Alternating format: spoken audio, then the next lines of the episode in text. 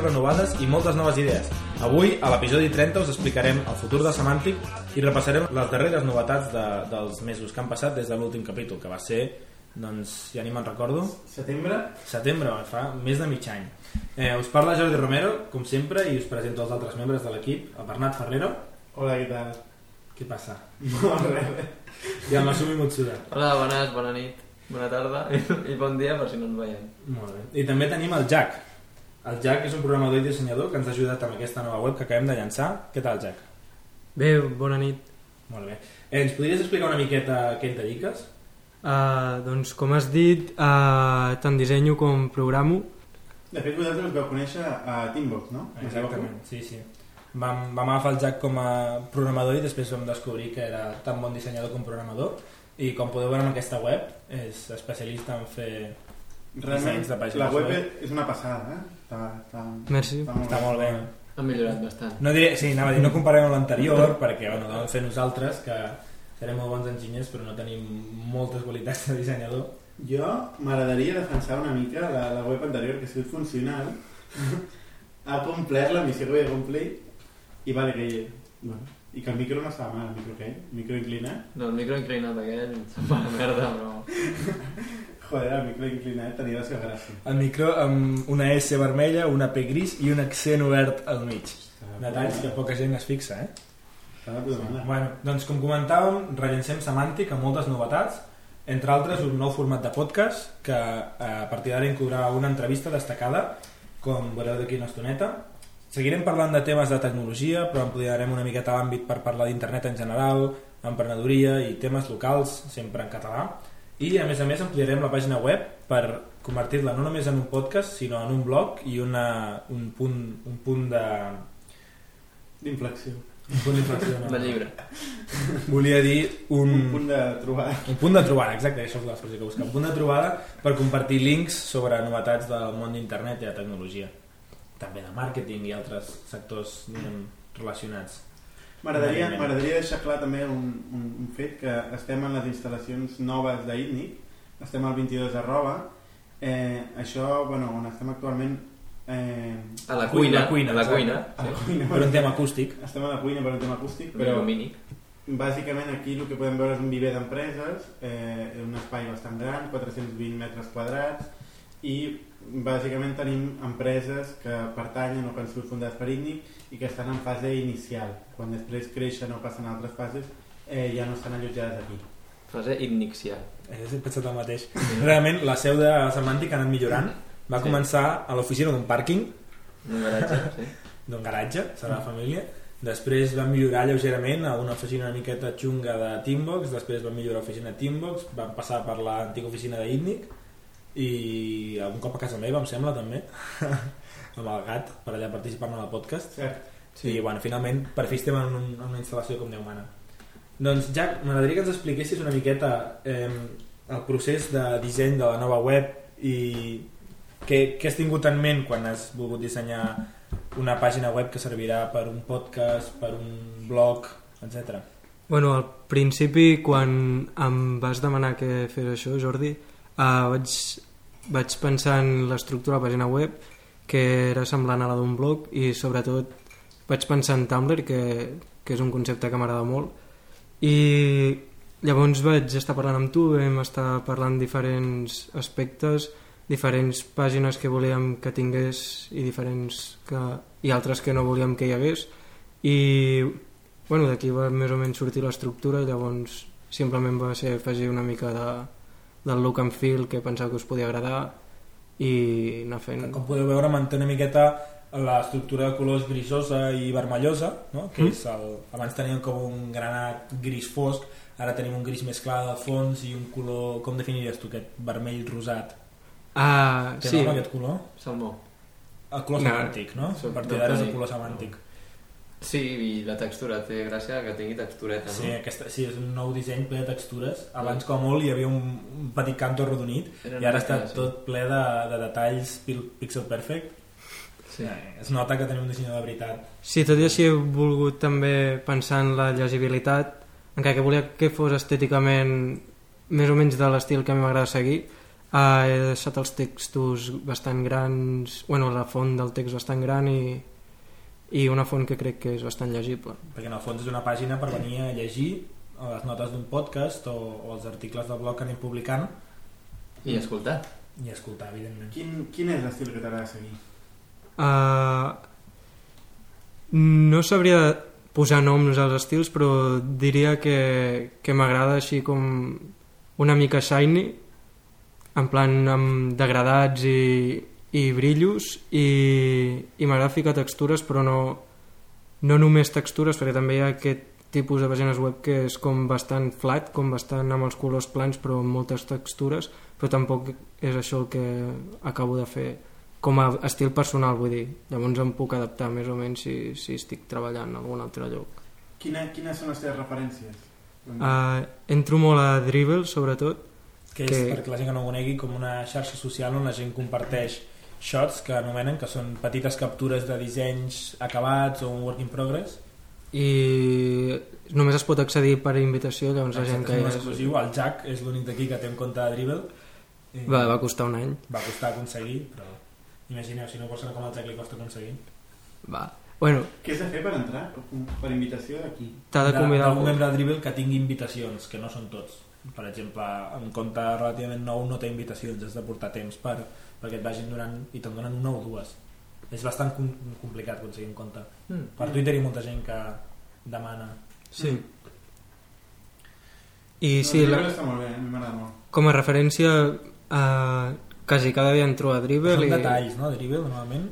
Sí, sobretot, bueno, últimament també fiquen molta interacció, la gent li ha donat molt per ficar gifs, Ah, Animats? Sí, GIFs, a Molt. Dribble? O sigui, fiquen molts gifs de... explotar, és fer trampa. sí, eh, estan tornant els... Ui, els GIFs animats. Jo te contara. Eh, Després podem parlar d'una aplicació que es diu Cinemagram o, de, o de Gifture. o de GIF2, després en parlem. Eh, tu coneixes el Dan Sederholm, el, No sé. el founder de, de Dribble, que ha escrit alguns llibres sobre TCC3 i tal.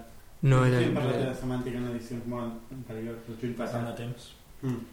Pels noms soc bastant dolent. No, millor si veiés l'avatar em sonaria, però... no. Doncs, eh, a més a més del procés i de la inspiració, quin, quines tècniques, o sigui, quines eines has fet servir? Has fet el disseny amb Dreamweaver, amb No, Photoshop, Frontpage. amb Frontpage, amb Beam... Come on, va. has seguit? Uh, primer vaig, amb, quan vam estar parlant vaig prendre algunes notes i crec que vaig fer algun, algun sketch i, Home. sí, home, i, i llavors sempre faig servir Photoshop uh, i més tard doncs vaig uh, vaig acabar-lo de polir així. Saltes amb, amb web, a l'inspector i CSS, no? sí, sí. Molt bé. Però fas la major part del disseny en Photoshop. sí, sempre faig tot, tot. abans de començar amb l'HTML i CSS sempre vull tenir-ho tot amb, amb Photoshop perquè si no llavors acabes fent coses que, que no acaben d'estar integrades no sé, crec que és millor abans pensar-ho que, que fer-ho directament crec que és per això que, que m'agrada abans fer, fer tot el procés saps? no m'agrada anar saltant Si no t'agrada que et condicioni la part tècnica, no? O sigui, si tu després veus que tens limitacions tècniques per com posicionar una cosa, no vols que això et pugui ser una limitació per fer el disseny que realment vols? Més que això, perquè el saber, el poder programar-ho o fer el codi jo mateix, ja, ja sé fins a on podré arribar o no, és més poder tenir el disseny i estar en el procés creatiu només amb el procés creatiu que barrejar el, el procés de simplement llavors és bastant maquetar és bastant uh, Mecànic. mecànic quan estic amb això no, no vull fer coses ràpid i ficar-les vull tenir-ho pensat, mirar-me'l normalment deixo alguns dies en, abans de, de començar el següent pas perquè normalment quan tu mires al cap d'un dia o dos et canvia l'opinió si ho fas a l'hora que estàs uh, fent el codi llavors ho fas ràpid i ja ho deixes perquè ja, ja està ficat Interessant, interessant punt de vista.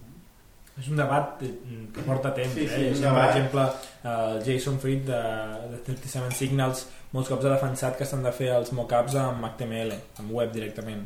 ja, jo he vist gent De fet, Thomas, de. Thomas Mas, d'aquí de, de Itnic, mm, i de Camerún, ell sempre defensa també això, que li agrada treballar directament en web.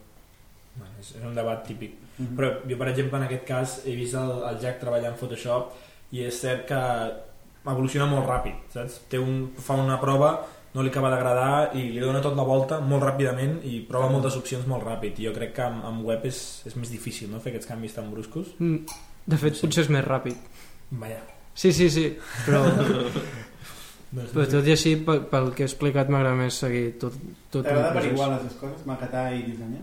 Sí, programar el frontend també m'agrada molt. sobretot si inclou reptes tipus fer servir CSS3 Sí, o, CSS3. clar, si maquetar una cosa simple no suposo que no té molta gràcia no? la gràcia és forçar Però si és simple tampoc trigues gaire. O sigui. I, i la web aquesta semàntica amb Internet Explorer 7 què tal funciona? Mm, no ho sé, no ho hem ho, provat, ho no? veritat provar. és que ho hauríem de provar molt bé Està bé, està bé. O sigui, la part, la, la part tècnica eh, t'agrada tant com la part creativa. Llavors, Sí, sí. és un perfil estrany, n'ets conscient? Mm, no, ho és, suposo que ho és, però no, no és tampoc tan tan estrany, no? com és difícil de trobar si més no o sigui, entenc que hi ha gent que li agradi però hi ha poca gent que aconsegueixi ser bona dissenyant i a sobre sàpiga programar com, com tu que ets un home de JavaScript Crec que el Dan Sederholm, justament, el, de, el, el tio del blog Simple Beat i el que va crear Dribbble i tal, aquest tio és un, és un exemple de, de tio que és, és molt bo programant i que a més a més és molt bo dissenyant també. És un tio d'un crac. I... No sé, suposo que pots veure... De fet, a Hacker News fa dos o tres dies hi havia una discussió sobre això. No sé, Cada, cada X temps... hi ha sobre una- què? Bueno, sí, de- sobre tot, cada setmana Hacker News Sobre, hi ha una sí, bombolla de tecnologia Photoshop versus eh, era sobre si especialitzar-se en una de les dues coses o, Ah, sí? o poder fer les dues. I hi havia gent que era com un, com un... Tenir les dues habilitats podia ser com un pont entre les dues coses. Jo crec que és molt important aquest perfil. és brutal Però especialitzar-se també, de vegades ho penso i crec que també és molt important perquè al final tens un temps al dia i, i si decideixes fer les dues coses dediques la meitat de, de, però del per temps. exemple a Teambox la velocitat de fer un cicle sencer no té res a veure com alguna feature que comences ideant sobre paper i acaba implementada amb HTML, JavaScript i fins i tot una mica amb el backend ho pots fer tu sol de principi a final això té, té un valor saps? perquè tens tota la imatge sencera al cap Això seria un altre debat, o sigui, el taylorisme al final, especialitzar-te molt bé fent alguna cosa o tenir la idea, general. Però en qualsevol cas, inclús si ara t'especialitzessis, el fet de tenir consciència, coneixement de com funciona l'altra part, la part tècnica, la part creativa, et dona un gran avantatge professional. Això és innegable. sí. Sí, sí, jo, jo, jo crec que sí. Val. doncs eh, ja que ens acompanyarà la resta de l'episodi mm, sobre comentant tots els temes ara eh, canviarem al proper tema i ara us presentem a l'Albert Feliu que és la, la nova entrevista del, del format que us hem comentat abans de l'episodi número 30, la nova era semàntic eh, Albert Feliu, m'agradaria que et presentessis tu mateix Bon dia, sóc l'Albert Feliu. Eh, vaig fundar Infojobs. Soc emprenedor d'aquests d'internet. He estat al Seed Rocket, ara tinc una empresa que es diu Android Zoom. En tenim diverses, però Android Zoom és com la que està agafant una mica més de volada. Fot 15 anys que estic al sector. Mm, I bueno, conec en Jordi eh, i en Bernat d'alguna cosa que hem fet abans. Soc, per exemple, soci a Teambox, que també és una empresa d'aquestes així d'aquí a Barcelona que, que està intentant fer alguna cosa grossa. I avui parlarem de, del que ells dos vulguin. Doncs sí, mira, l'Albert ens interessa perquè és una persona amb molta experiència en el món de l'emprenedoria i concretament en el sector internet i bueno, un dels, com us ha comentat, no? un dels, dels primers casos va ser el d'Infojobs que uh -huh. tothom coneix, no cal ni que expliquem què és com, com va néixer Infojobs una mica? Quin, quina va ser la idea i com va anar creixent fins a arribar al moment que, que està ara, no? que és líder en el sector a Espanya i a molts països, no? em sembla que Itàlia i algun de, de Llatinoamèrica Sí. també té molta presència Fojobs ho vam començar l'any 98. Doncs jo treballava, jo era programador, llavors tenia 20 anys. I, el, i això és, la idea és d'en Nacho, Nacho González Barros, que ell treballava fent temes de recursos humans a Intercom. Llavors va detectar una mica la, la dificultat que tenien ells a Intercom. Intercom en aquell moment era, era un ISP, no era el, el, el, diguem, el holding d'aquesta empresa d'internet ara, no? Llavors, el tema és, Intercom és un ISP, està venent serveis de connectivitat a internet bàsicament a empreses, Nacho treballa allà fent el tema recursos humans i té moltíssimes dificultats per, per contractar personal tècnic. Se li acut fer l'Infojobs, agafa i diu, ostres, aquesta part de la web d'Intercom que tenim, on jo publico ofertes i la gent se m'apunta, com em serveix per Intercom, em serveix per tot arreu. I va ser una cosa així de bàsica. El Nacho va ser com així il·luminat, no? en positiu, vull dir, el que va tenir la idea. Vam començar amb Nacho, l'Ivan, que era un noi que portava la part de així, ventes i màrqueting, i jo que era el tècnico. No? I això vam començar dins d'Intercom, de fet, quan vam començar hi havia com una petita versió que havia fet la, la, la, el que era l'equip tècnic, perquè hi havia una part de consultoria dins d'Intercom mateix, però bueno, ens vam juntar tots tres, va ser quan es va decidir, Intercom va dir... De fet, va ser clau perquè per Intercom, en aquell moment Intercom va decidir apostar per projectes que eren més de servei i que no tenien tant que veure amb el tema de l'ISP, no? A l'hora que vam néixer nosaltres ja hi havia un projecte bastant conegut en el seu moment que es deia noticias.com, que és el que ara seria un blog així generalista, de notícies en general, premsa. Va néixer també Softonic, que en aquell moment es deia Shareware Intercom. I sí, sí, vam començar així. Això cap a l'any 2000 Intercom ven el que és el negoci de l'ISP consultoria a una empresa, de, de, una empresa anglesa que es diu Cable and Wireless i aleshores es centren reinverteixen tots els quartos en, en aixecar el que són els projectes online i és el que és ara, no? Aquí a Sant Cugat que tenen tants, tants projectes, no sé, 80 90 projectes i han aconseguit tant d'èxit amb, amb, amb molts d'ells doncs el tema d'Infojobs el vam evolucionar tot això jo, quan vam començar Infojobs érem 3 quan me'n vaig anar jo érem 200 o 220 ja clar, vull dir, l'evolució de l'empresa és molt, molt animal ho vam veure la gràcia, la història és aquesta, no? que en 10 anys o 11 anys que vaig estar allà ho vaig veure, vaig veure tot, des que érem 3 fins que érem 200 des I que... vau començar, vau començar amb, amb diners d'inversió, com deies, que havia sortit de- d'això a l'ISP o, o abans Intercom mateix havia invertit alguna cosa? Sí, al principi Intercom havia invertit alguna cosa, no? És, eh, veritat és que les xifres és que no me'n recordo. No, no, no, cal, no, no. És una qüestió de... Va venir una inversió Sí, sí, sí. molt grossa i la vau invertir durant 5 anys en posar un Bàsicament, projecte? la idea va ser aquesta, o sigui, mm, crec que formalment, com a, ens finançàvem al principi eh, d'una mica de l'activitat d'Intercom, això va ser molt poc temps, eh? Llavors de seguida ja tot el que és... El que sí que és, és que tothom va reinvertir perquè tot el que era les, no sé com dir-ho, l'estructura de, de, de socis que hi havia a Intercom és la que va passar a ser la d'Infojobs, no? més, més els socis que van entrar. I sí, ens van fi... tampoc no hi va haver grans super mega finançaments, vull dir, al principi ens van finançar amb els diners dels socis clàssics, eh, vam tenir al cap d'un parell d'anys ens va invertir una gent que es diu Corsave, que és un, un fons d'inversió d'aquí a Barcelona, quantitats que tampoc no eren molt, molt bèsties comparat amb les que sense avui en dia, en aquell moment. Eh, I després ja, és que ja vam aconseguir començar a vendre, després de començar a vendre vam, començar, vam aconseguir començar a guanyar diners i ja vam anar, vam I de, de quin període d'anys, més o menys, perdó, estem parlant d'això de... pues mira, el 2000... És que jo d'això soc molt dolent, no me'n recordo molt de les dades, però jo crec que més o menys a cap al 2000 vam dir que fer lo del modelo de pago, o sigui, vam, que va ser quan vam començar a cobrar les empreses. Suposo que la inversió a Corsabe devia ser cap al 2001 o 2002. I després ja... No, eh, inclús abans, perquè em sembla recordar que la primera operació de venda la va fer el 2003 o el 2004. Bueno, ja veieu que amb això dels, de les dates No, no en recordo gens. Ja fa una mica de temps. Això. Sí, fa temps. La, la meva pregunta és, com, com va arribar tu, Ignacio González Barros? Era, era el teu? o- No, no, que va, que va. El Nacho, o sigui, jo estava treballant a una empresa petita que feien temes d'internet, petita en aquell moment, eh, llavors els de... Abans, molt abans d'això, quan vaig començar a treballar, havia treballat una empresa que era consultora de temes de Lotus Notes. Resulta que en aquella empresa doncs, hi havia, hi havia, hi havia bastant, molt nivell tècnic. Resulta que de punyeteres, és que són de punyeteres casualitats. Una noia que tra havia treballat en aquesta empresa, eh, no es coneixien personalment, però havia treballat en aquella empresa, treballava en aquell moment Intercom. I jo vaig conèixer el Nacho perquè vaig veure a La Vanguardia una oferta de busca programador Lotus Notes a Grupo Intercom. I vaig dir, hòstia, mira, vaig a preguntar. Vaig enviar el currículum per enviar-lo, eh? la veritat és que sense molt d'allò. Llavors, clar, el Nacho va veure un paio que se li presenta que vol ser programador de Lotus Notes, però que té un munt d'experiència d'internet, que en aquell moment, clar, és que era, érem super poca gent els que programàvem aquí, no? Tenia un munt, el tio diu, és aquest, és el punyetero paio, perquè porta un munt de, ja, ja porta anys, és jove i tal, no sé què, em va entrevistar, i llavors la noia aquesta, l'Anna, li va dir, no, aquest paio, o sigui, jo per ell no puc respondre, però si ha treballat en aquest puesto, té que tenir nivell, no? I una mica va ser casualitat. I, i per això, per això, el vaig conèixer. I llavors el Nacho, el que passa que el Nacho és un paio que és, vull dir, és que vosaltres potser no, no el coneixeu, no? Clar, és un tio que, que, que, que s'il·lusiona un munt amb les coses, no? I, i claro, imagina't, jo tenia 20 tacos, vull dir que al final tampoc no depens de... Uf, imagina't, en aquell moment inclús vivia amb ma mare encara, que no, no, no t'hi juga res. I clar, el tio em va dir, és que només he de proposar-me la idea, vaig dir, sí, sí, fem un all-in aquí, però no des d'un punt de vista de, no sé, no all-in d'especulatiu de pasta, sí, no, jo no tenia un duro. No, no és un tema de, hòstia, és que això, és, o sigui, això, si ho fotem, això serà collonut, vull dir, de fet, això passa molt, no? Moltes vegades la gent, quan s'entera que sóc un dels fundadors d'Infojobs, la pregunta, ostres, però tu t'hauràs forrat, no?, amb el tema aquest. Home, aviam, o sigui, la veritat és que el que és raonable... O sigui, jo no tinc un Ferrari, no? I... Però, però que és que el guapo és... O sigui, el que sempre dic a la gent és... Vam agafar un dia, ens vam, junt- ens vam juntar tres i al cap de 5 anys, la gent... O sigui, havíem canviat el mercat laboral a Espanya, però la hòstia, o sigui, com la gent trobava la feina, com les empreses aconseguien trobar... El, ho vam dinamitzar tot seguríssim, moltíssim.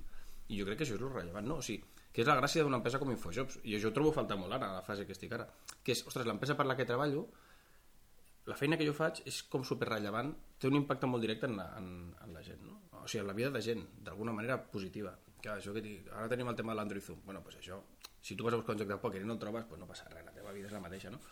Però el fet que trobis una oferta que dius, jo, és que és aquesta oferta, no? És que aquí prendré, és que aquí creixeré, això és molt rellevant. I això sempre m'agrada molt d'Infojobs. I, I la primera, o sigui, el primer desenvolupament de negoci d'Infojobs, llavors, el, el, o sigui, quan tu vas arribar, ja hi havia un, un pla muntat? O Mm, veu fer no. entre els tres que No. vau començar? Pensa que no... mm, O sigui, no teníem experiència, eh, tampoc. I llavors, perquè en aquell cas, em sembla que llavors el més gran era el Nacho, i el Nacho tenia... Pues jo en tenia 20, el Nacho en devia tenir 24 o així. Al principi va ser una... Va ser una van fer aproximació molt de producte. O sigui, agafar i dir, bueno, aviam, què és com lo evident que s'ha de fer, no? Sentit comú, doncs escolta'm, l'alta de les ofertes, l'alta dels candidats, i demanarem això i demanarem allò, i, i ara... Tal. Llavors, des d'un punt de vista de desenvolupament de negoci, més que fer un plan va ser agafar i dir, escolta'm, però aquí, aquí a la Home, que tenim molta gent, potser les empreses estarien disposades a pagar-nos per, per, per tenir una oferta destacada o tenir un, un logo, no? Llavors, de fet, al principi, quan vam començar a tenir algunes ofertes d'empreses guapes, exemple, jo recordo el cas de Microsoft. Tenim ofertes de Microsoft. Llavors, automàticament, fotem el que encara estan a la Home, que són els logos destacados aquests, i vam fotre el logo de, de Microsoft. Clar, nosaltres el fotíem perquè, joder, perquè era guapo per nosaltres, no? Mira, mira que deien ofertes de Microsoft. I, i al principi, així, o sigui, un pla concret no hi havia. Me'n recordo, doncs, li van agafar, el plan era que la, li van agafar, el fotia allà i llavors trucava la gent, els anava a veure, mira, que hem fet això, i, i, i la primera vegada era gratis, després li intentàvem treure alguna cosa, no? Vull dir que potser, ara no en tinc ni idea, però potser ara resulta que una empresa per tenir un logo a la Home paga, jo què sé, potser paga 2.000 euros, no? Clar, clar. I en aquell moment, vull dir, em sembla que el primer el van vendre com per 20.000 peles. Que és que era tot molt diferent. També me'n recordo amb el tema aquest de, de les inversions en màrqueting, no? Hòstia, me'n recordo que una de les coses que ens va funcionar molt bé, i ja no existeix, era lo del, el, us en recordeu de l'Ozu, el cercador vell? Pues això ho heu vist, no? Sí, sí, fa molts anys. Sí, bueno, clar, fa anys. Crec que tots just començàvem amb internet. Bueno, de fet, això em sembla que després va entrar dins de l'Odol. Bueno, no sé si amb l'Odol. Però, en tot cas, hi havia un cercador que, era, que es deia Ozu, que, que, tenia, que tenia volum en aquell moment. I tenia el que es deia l'Ozu 1, 2, 3. I llavors, quan algú buscava alguna cosa, tu podies pagar per la posició 1, 2 o 3 del resultat de cerca quan algú busqués empleo, no? I sortia 1, 2, 3. I al millor jo, no sé, no me'n recordo, però ens costava 50.000 peles, no? I clar, per nosaltres, hòstia, 50.000 peles, les gastem o no les gastem? Què fem, no? I va, provem la segona de la primera, que és una mica més barata, però a veure si... I, i això és el que ara la gent es gasta milions en AdWords, no? pues en aquell moment era això. I allò ens va funcionar. O sigui, el primer codi està escrit per tu, el primer codi d'Infojobs, no? Sí, una pregunta una mica, pregunta geek, Sí. sí. ja que, sí. diguem, Semàntic és un podcast de tecnologia i en part de programació moltes vegades, també si ens podies explicar una miqueta quina estratègia, quin, quin llenguatge, quina estructura vau fer servir al principi i com va Quan, evolucionar. quan, jo, Sí. quan vaig entrar jo amb el Nacho i vam anar endavant, llavors, aquí hi havia, el que us deia, hi havia un primer Infojobs fet per lo que era el departament de consultoria d'Intercom i ells treballaven, treballaven en, utilitzant Lotus Notes un script i una història. I, i això és el que hi havia. Llavors nosaltres el que vam fer va ser eh, això va dir que ser com, com vam, em sembla que era cap al 99 el, el, després de l'estiu vam migrar, vam deixar enrere el Lotus Notes que no era una plataforma tècnica adequada per, per desenvolupar res a internet i vam, en aquell cas nosaltres vam fer servir una tecnologia que es deia Cold Fusion que encara existeix que era com una evolució dels CGIs i tal i vam implementar la base de dades amb, amb Oracle i ens vam tirar així un munt d'anys. Vull dir, de fet em sembla que el Cold Fusion encara es fa servir a Infojobs per temes de presentació la part així de, de vista i la més ara és Java. I, eh, però ja és, tampoc no, tècnicament no ha tingut supergrans evolucions. Vull dir, el que ha crescut és en volumen. Del primer, la primera màquina on ho teníem tot ficat a tenir maquinotes gegants per les bases de dades no? els frontals pues, una estratègia normal de tenir sèrie, una sèrie de, de màquines i anar, i anar creixent en horitzontal. Però sí, jo vam anar fotent això eh? I sigui, la decisió tecnològica tampoc era molt, molt rellevant amb l'èxit d'Infojobs, no? una mica, és el que interpreto. jo crec que no jo crec que no. O sigui, i si haguéssim triat exactament el contrari ens hauria funcionat igual per exemple, o sigui, nosaltres vam començar amb el model aquest de, de l'Oracle, amb la base de dades grossa del Confusion i tal, alhora els de Softonic més o menys no? amb, amb tempo similar ells ho van fer a l'inrevés, ells van ser PHP, MySQL i tal al final, em sembla que al final del camí els quartos que ens hauran gastat una empresa i l'altra seran més o menys els mateixos. O sigui, el que s'ho gastava amb una màquina més grossa, Softonic s'ho estalviava en hardware perquè potser no necessitava tant hardware, però tenia que muntar coses molt més complexes, potser més escalables, no sé. Eh, bueno, no crec, perquè tots dos han escalat igual, no? Però sí, de fet, amb aquest tema, o sigui, aquesta mena de coses, la part aquesta tècnica, no crec que hi hagi decisions incorrectes. O sigui, en això sempre dic el mateix, o sigui, de, de, que no hi ha decisions... O sigui, està algo així com les opcions que tens i llavors les, les, les imbecilitats, no? Les decisions incorrectes són les imbecilitats. Les coses que no s'aguanten, que les fas per capritxo, que és una ocurrència. Però dins de les coses raonables, escolta, ho fem amb PHP o ho fem amb Ruby on Rails? Escolta, ho fem amb MySQL o... Jo n'hi haurà una que serà 100% i n'hi haurà una que serà 90%, però no hi haurà una decisió que t'abocarà al fracàs, no, no ho crec. No, no, no ho crec. També eh, depèn del moment. En aquell moment hi havia poca gent mm, sortint Sí. a internet. Ara el time to market t'apreta més, tecnologies més de tipus Ruby, que pots treure coses més ràpid, pues, t'ajuden molt no? a desenvolupar la primera versió d'un negoci. Mm, respecte si mm, utilitzes Java, per exemple. Mm -hmm. I eh, per això molta startup està, per, està utilitzant Ruby, Ruby on Rails per, per començar, no? Sí, bueno, de fet, eh, Java jo no ho considero una opció, eh? Ah, vale, vale. No, no, no, que va. Us explico que en algun moment Per es va... arrencar. No és una opció per arrencar, no? Ostres, jo crec que no és una opció un per res. prototipat però- amb Java. No, no, no crec que... O sigui, una, no sé, no sé, un negoci com els que podem estar fent nosaltres, no sé quin dia es pot beneficiar de tenir-ho fet amb Java. Vull dir, un dia molt en el futur, eh? I Seria un error pensar-hi ara, no? jo crec que sí, jo tampoc no soc la persona... Jo, jo no ho consideraria com una opció. O sigui, hi ha opcions perfectament vàlides que et donen molt més el que necessites, que és el que deia el Bernat. O sigui, quan tu comences, el que és clau és el time to market, no? Uh -huh. Fotis com fotis. Pues, I si s'adopta que el time to market és perquè la tecnologia és molt ràpida o perquè tens un tio que és molt ràpid fent allò, pues, bueno, pues també et val, no? Vull dir, inclús en aquest cas dius, no, jo ho faig en Java perquè resulta que tinc aquest eh, paio amb el que confio plenament i que és capaç de programar tal, bueno, pues vale. Però, però sí, sí, no.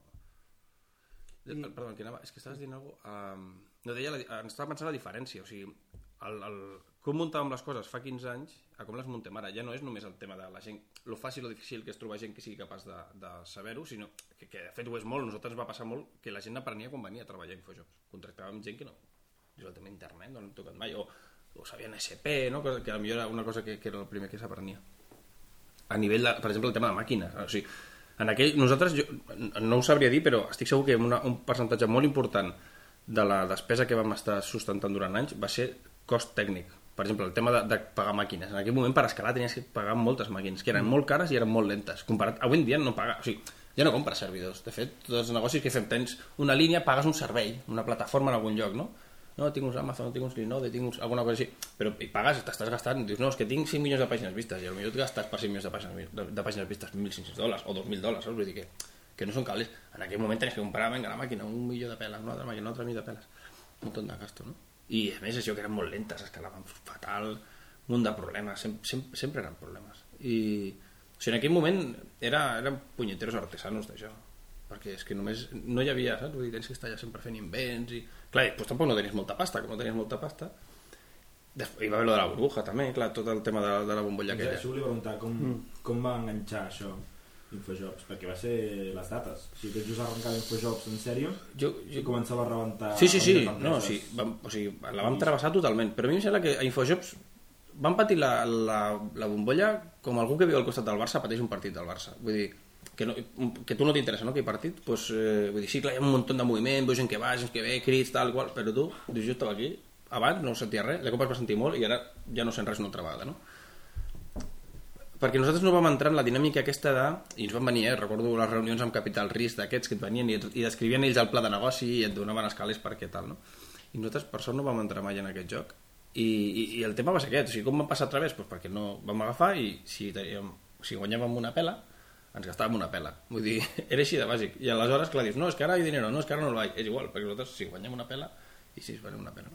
Doncs, aviam, sí que és veritat que, clar, el negoci és una cosa que és com més o sigui, tot i ser un servei és tangible, no? Al final dius, estic treballant al mercat laboral, no? No és és allò molt, de... molt, molt més tangible, Infojobs. Claro, vull dir que no, o sigui, no es va afectar des d'un punt de vista de... No era un portal. No, correcte, vull dir, no es va afectar des del punt de vista del finançament, de que agaféssim, ens sobrefinancéssim i aleshores ens quedéssim sense calés, ni ens va afectar des del punt de vista de que el negoci depengués de, de jo què sé, un e-commerce, no? O sigui, jo me'n recordo el, el, el coste, que va ser uns que van agafar un moltíssim volum, no? I, i, i després em van anar, no, no van aconseguir-ho, no? Pues, bueno, perquè potser era massa aviat, perquè llavors sí que depèn de la indústria, no? L'e-commerce agafa figa, tal. Jo crec que bàsicament aquestes dues coses. Però és que és... és... Bueno, de fet, amb la crisi d'ara aquí a Espanya, no? Infojobs suposo que deu estar aguantant també per lo mateix, perquè ofereix un valor que la gent necessita, de fet, més que mai, Sí. Sí, sí, en total, aviam, el que passa que en volums, per exemple, ha baixat moltíssim. Clar, les empreses tenen menys diners. Moltíssim. O sigui, jo recordo, estant i jo, havíem arribat a tenir 85.000, potser, 80 o 85.000 i, eh, ofertes de feina publicades. No sé si ara entres a Infojob el que veuràs, però jo crec que en veuràs 20.000 o 25.000. Una I em sembla que aquí a la Home Tal, si vas, hi ha alguna mena de ment. 81.660. Però, però això són puestos, de vacan puestos vacantes, això ho han canviat. Això ara ha- estan multiplicant les ofertes per els llocs de feina o... Ah, va, perquè una oferta pot ser 3 administratius, Tres administratius, o 4 correcte. programadors Sí, sí. Mm, Java. vale. Bueno, ara també estan sortint competidors, tipus LinkedIn i, i Sí, companyia, sí. estan treballant molt al mercat de treball, no? Mm. Sí, sí, no, no, si Infojob s'ha d'espavilar. Mhm. O sigui que em consta que fan coses, el que passa que... Mm. Sí, també fan, fan recerca, no? intenten formats nous així paral·lelament. Però bueno, ja, jo diria que ja hem parlat bastant d'Infojobs. També m'agradaria que parléssim dels projectes amb els que estàs tu ara, que és- són més d'un, no? Ens has comentat Android Zoom. De què tracta Android Zoom?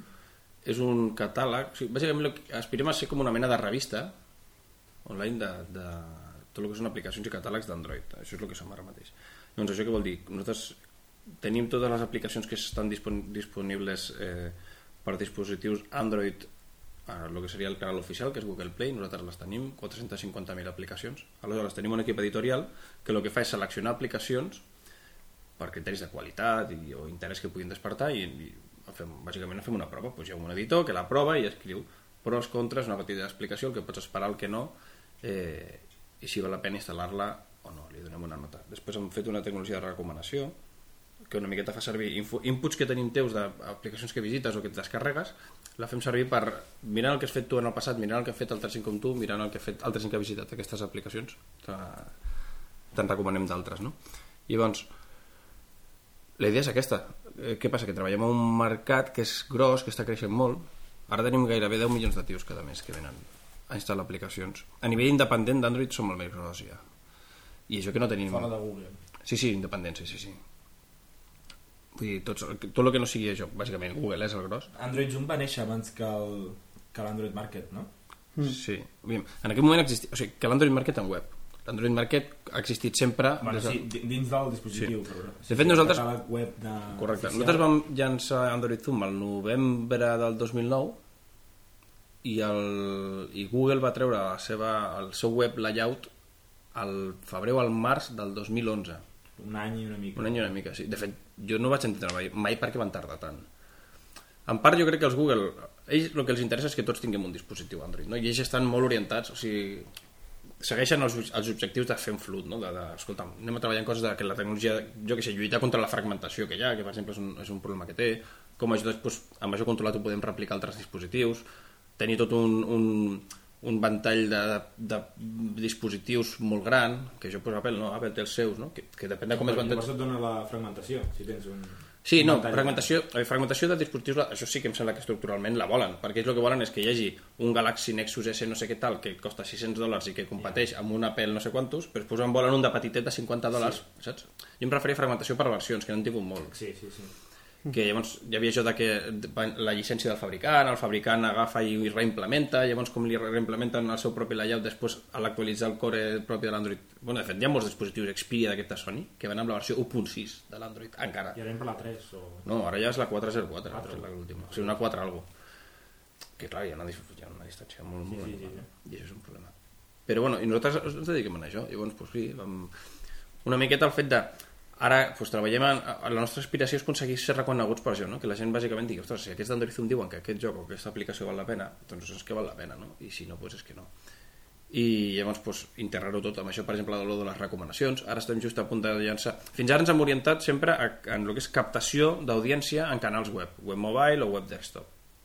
I tot i així hem sigut capaços de superar la competència que tenen presència en aplicació.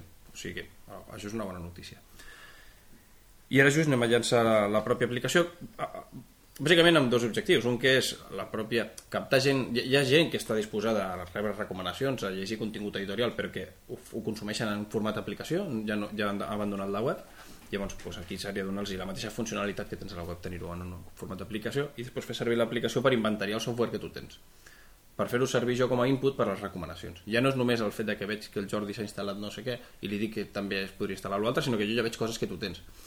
I llavors puc, no sé, a mi em dono compte que t'agraden molt els jocs de pòquer, em dono compte que t'agraden molt els jocs de carreres o les aplicacions de, de, de fer excursions per la muntanya. I això Android t'ho permet? O sigui, es poden instal·lar les aplicacions des d'aquesta aplicació que comentes tu o simplement s'obre l'altra? Nosaltres sempre ho enviem al, al Google Play. Val, val. Sí, perquè és que des d'un punt de, prim- primer des d'un punt de, des d'un punt d'anar bones amb els Google, perquè si nosaltres el que volem és ser reconeguts com uns creadors d'opinió, la part de distribució no ens interessa realment, no? Doncs aquesta és una. I ja el fet de no, de no treballar això tampoc no, no et fiques a males. Després de que, però des de, inclús des d'un punt de vista de seguretat, no? No és super segur perquè l'Android és com és, no? I, ha- i no hi ha una validació de lo que es publica, però, però entre algú agafar-li i donar-li un APK, que són els fitxers aquests, un fitxer autoinstal·lable, que vés a saber des d'on ha Eh, sortit, que- o enviar-lo a l'Android, dius, mira, aviam, Sí, sí, sí, sí. de les, més opcions, confiança, no? de les opcions que hi ha, a nosaltres sembla que és la més, la més confiança. En un principi no, no, no permetia descarregar quan, quan veu aparèixer. Sempre Nosaltres mai, així. sí, sí, nosaltres mai, mai hem, hem fet descàrrega. No, no. La, aquí l'única cosa, i no, no ho hem fet, eh? l'única cosa és, hi ha molta història d'aquesta de, com a l'Android el sistema operatiu és gratuït, hi ha manufactures d'aquests xinesos que fan dispositius Android sense llicència. Què vol dir sense llicència? Que no paguen a Google i aleshores no poden ficar el Google Maps, no poden ficar l'Android Market, no poden ficar Gmail, no poden ficar les aplicacions de Google. Aleshores, aquesta, hi ha vegades que hi ha gent que fa servir Android Zoom per trobar les aplicacions i si se les intenten instal·lar, clar, quan nosaltres els enviem al Google Play no els hi funciona, perquè no tenen Google Play. I aleshores sí, sí que permetíem als desenvolupadors ficar com una mena de punt alternatiu de descàrrega. Mm. D'ells, eh? Nosaltres no hem volgut mai hostatjar Com Softonic aplicacions. feia, no? O encara fa, no? Que t'enviaven a la web. A la web del, de, bàsicament és, exacte, a la web del desenvolupador. I ja t'apanyaràs. Sí, bàsicament és el desenvolupador qui enriqueix el vostre contingut. Sí, qui, qui, qui, qui aporta... Bueno, després vosaltres feu la review. Sí, no, bàsicament som nosaltres, eh? Al desenvolupador li demanem poca cosa. Li demano poca cosa. Sí. O sigui, el contacteu vosaltres al desenvolupador. el contactem nosaltres, però vols dir, per exemple, a l'hora... No, o sigui, t'explico una mica. Nosaltres, al desenvolupador, nosaltres el que fem és obtenir... Al al final aquestes aplicacions es republiquen, no? Estan en molts llocs, estan al al Google Play, però hi ha una sèrie, jo que sé, GetJar, Aprend, hi ha un munt de webs que tenen aquesta mena de contingut base d'aplicacions que es publiquen. Vale. Aleshores, eh, nosaltres el que fem és, quan fem tot el tema, jo que sé, fem una review d'algú, sí que ens fiquem en contacte amb el desenvolupador, però no per res en particular, bàsicament per dir, escolta, mira, hem seleccionat la teva aplicació, hem fet una review que sàpigues que ho tens eh, aquí per si, jo què sé, tu mateix, si tens que comentar alguna cosa, si ho vols promocionar, si... No? Doncs, de fet, nosaltres aquí, el que fins ara no han fet res en la línia de monetització des d'un punt de vista de, jo què sé, serveis de promoció, coses així com, de, com la primera derivada que tothom està pensant, no, aquí es podria fer això, perquè el nostre objectiu sempre ha sigut el tema de tenir, de, o sigui, de, de obtenir, o sigui, aconseguir superar la competència i tenir un gap amb ells, i el gap fossin coses que fossin relativament, no fàcils, però que fossin realistes a, a assolir-les, i és, per exemple, el volum, tenir 10 milions de tios que cada mes venen i, i instal·len aplicacions a través de la teva plataforma i que això sigui superior a la competència doncs és, és una cosa que han volgut, han volgut i han fet tot el que han pogut per, per aconseguir-ho. Eh, el fet d'aconseguir ser, saps? el fet de ser reconegut vale, doncs ens hem tirat ara ja fot un any fotent contingut editorial per què? Bueno, doncs, sobretot amb això no? perquè la gent agafi i digui no, és que aquest Android Zoom quan foten una review la pena amb això que em refereixo si el dia 0 començo a fer reviews i faig sponsorització d'aplicacions el missatge és una, el, el missatge és una mica estrany, no? Perquè algú dirà, ja, però això m'ho estàs recomanant o, o, o, o t'està pagant el developer perquè m'ho recomanis, no? De totes formes, veig que hi ha un, un alt grau d'interacció. Veig fins a 500.000 reviews. O No, això són, aquest? aquestes d'aquí, això són O, bueno, valoracions vots- que fan usuaris. Els usuaris, vots. Sí. Això són usuaris que han instal·lat aquesta aplicació i han dit si els ha agradat o no els ha agradat. Però és una passada. Sí. Més de 500 comentaris, diu també, en aquesta mateixa, no? El Go Launcher. Uh -huh. Déu-n'hi-do, Bé, sí, ha- això no, això no, no sé de Amazon, això. Home, Els d'Amazon van treure el seu App Store i de moment no han aconseguit. O sigui, bueno, jo quan ho van treure pensava que aconseguirien tenir molta més activitat, molt d'allò. Sí que funciona, però no... Però és que també és això, no? De, moltes vegades les empreses grans... Vull dir, eh, la història a internet està plena d'empreses grans que, ho podrien, que tenien la capacitat de fer-ho, però no ho fan. No. I empreses petites que ho han aconseguit. I l'altre dia no sé amb qui parlava i li deia? Dic, facis el negoci que facis, sempre en algun lloc hi ha un garatge amb, amb dos tios que, que potencialment et poden destrossar tot el que tens perquè sí, perquè al final no, estan inhibits fan les coses de manera molt natural van apinyant i, i això cada, o sigui, cada vegada que vas una passeta més endavant de créixer com a empresa vas enrere d'això amb, amb, capacitat d'innovació, no? De Sí, jo provar, mateix, d'arriscar. això mateix que abans, abans, parlàvem d'Infojobs, no? Pues, clar, Infojobs jo vaig veure quan, quan era una empresa de 150 tios, imagineu la, la, la burocràcia intrínseca que té això. Perquè tu me dijiste, perquè tal, perquè ara aquí ho documentarem i Que són coses que... Era un procés, no? un un protocol... Sí. Que, aviam, jo no, no, no, soc, no vaig en contra d'això, ni sóc crític amb això, però són moltes hores que es perden. La naturalesa és diferent. no? Això no t'ho paga el client. Jo, és que és el tema de lo que Sí, sí, paga sí. el client. I una pregunta, ara que hem parlat de què és Android Zoom, ens podries explicar una miqueta com va néixer no? i quin procés has seguit també com a emprenedor des de la idea fins a, fins a això que hem comentat que és ara, que és Mm. doncs, un, un catàleg bastant potent d'aplicacions d'Android? De fet, el, o sigui, nosaltres, quan vaig plegar d'Infoshops, aleshores ens vam ficar amb, amb un antic company d'Infoshops que treballava a la- en una altra empresa, ens vam juntar tots dos i vam dir, va, anem a fotre alguna cosa, no? però alguna cosa no sabíem encara exactament el què. Volíem fer algunes provetes i tal, teníem algun pla, algun pla més a, a, a mig plaç. Llavors, vam, de fet, vam començar amb un projecte que es diu Facturamàtic, que, que el traurem ara, però, però dos anys i mig després. I el traurem perquè estava quasi desenvolupat i ara doncs, una noia que tenim treballant amb nosaltres ella s'ha encarregat de- tirar-lo endavant. No? Però vam començar amb el tema del facturamàtic. O sigui, la història és catxonda perquè doncs, això devia ser l'estiu del 2000, què, 2009? No, sí. L'estiu del 2009. Vam començar amb el facturamàtic, ens vam, el vam estar desenvolupant i tal, i llavors ens vam trobar cap a final del 2009 que eh, teníem la programació feta i la part de disseny no estava líquida. Ho teníem, en aquell moment érem nosaltres dos i això ho teníem a fora amb un noi que ens feia el disseny i la maquetació i lo típico, ah, bueno, lo típico, no sé si és típic, però el cas és que no estava fet el que tenia que estar fet en el dia que tenia que estar fet. I la història... Sí, bueno, no sé. El cas és que, o sigui, d'aquí ve Android Zoom. Per què? Perquè com va sortir Android Zoom? Vam agafar l'Àlex i jo, que és el meu soci, el meu company d'això, i ens en vam anar a fotre un bocata. Així, vam anar a esmorzar. Hòstia, què fotem? Perquè no, el tal no ens ha enviat el, les maquetes i, joder, el plan era integrar. I llavors, just a l'Àlex havia comprat un Android, un màgic de, de l'any de, la, de, de llavors, no? I l'Àlex va dir, ostres, podríem provar, a veure, perquè mira, és que això, l'Android Market aquest només es pot veure aquí en els dispositius, és basura, perquè clar, entre que les pantalles, clar, això canvia molt ràpid, en aquell moment els dispositius eren lents, les pantalles petites, ta- era una punyetera tortura tenir que veure allà, no? I després, també, claro, i després també el fet de que si és una plataforma que vol començar, hi havia molta gent que tenia interès de veure quin tipus de... Què, què passa en això dels Android, no? Quines aplicacions hi ha, si, si són populars, si no i tal, no? I si no tenies un Android era impossible veure-ho. I d'aquella conversa compartint un bocata ve l'Android Zoom. Vam pujar a l'oficina, ens vam fotre a trobar la manera de, de posar això en marxa i, i vam aconseguir, vam ficar en marxa i, i dos anys i mig després seguim fotent-li, no? També amb, amb una gran inversió inicial de, econòmica o va una, vosaltres tirant amb el que podíeu? O sigui, nosaltres, sí, o sigui, ha sigut format... En això, nosaltres, o sigui, ho hem, fet, ho hem fet sostenible perquè hem gastat menys que els xinos gasten en boines. Vull dir, però és que, és el, és el, o sigui, és que crec que és la manera. O sigui, i en, inclús encara que tinguis els calés, has de trobar la manera de... de o, sigui, això has, o sigui, les coses les has de patir. Has de, has de, veure, has, has de donar-te compte del que costa i... O sigui, jo en això, en això soc molt... És que ho veig, ho veig claríssim, claríssim. I, llavors, I la gent que es vagi incorporant ho vegi. A mi el rotllo aquest de anar a buscar finançament bèstia i des del principi pillar-se les oficines més guapes i no, perquè tal, perquè som una oficina guai, som uns tios guais i tal. No, no, sí. Sí. Joder, això ha de ser una empresa. Llavors, les empreses existeixen perquè, perquè es gasten diners i llavors al final de l'any almenys els queda un euro més del que s'han gastat, no? I, I nosaltres podem dir que des del, res, o sigui, des del tercer mes aconseguim guanyar pasta. Per què? Perquè gastàvem molt poc, però, però l'hem aconseguit guanyar, guanyar, guanyar. No perquè cobràveu, que no és trivial, no és evident cobrar tampoc. No, no, bueno, claro, ja, però saps? Vull dir que difícil, o sigui, haguéssim anat a fons, no, ara farem això i farem allò i... i això és un avantatge i és un inconvenient. El que passa que no, estru... o sigui, no en general, o sigui, jo, què- us vull dir?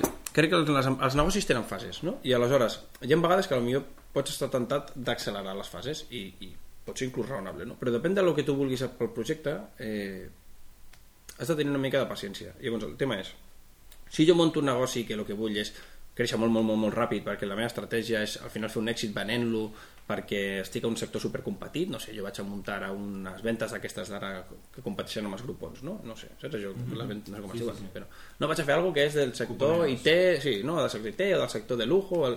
per què? Ho creu, fico, faig inversió forta perquè al final el meu objectiu és que en un any, un any i mig algú com l'Edge Bonus o Prival i alguna d'aquestes grosses em compri perquè estiguin interessats, no sé, no?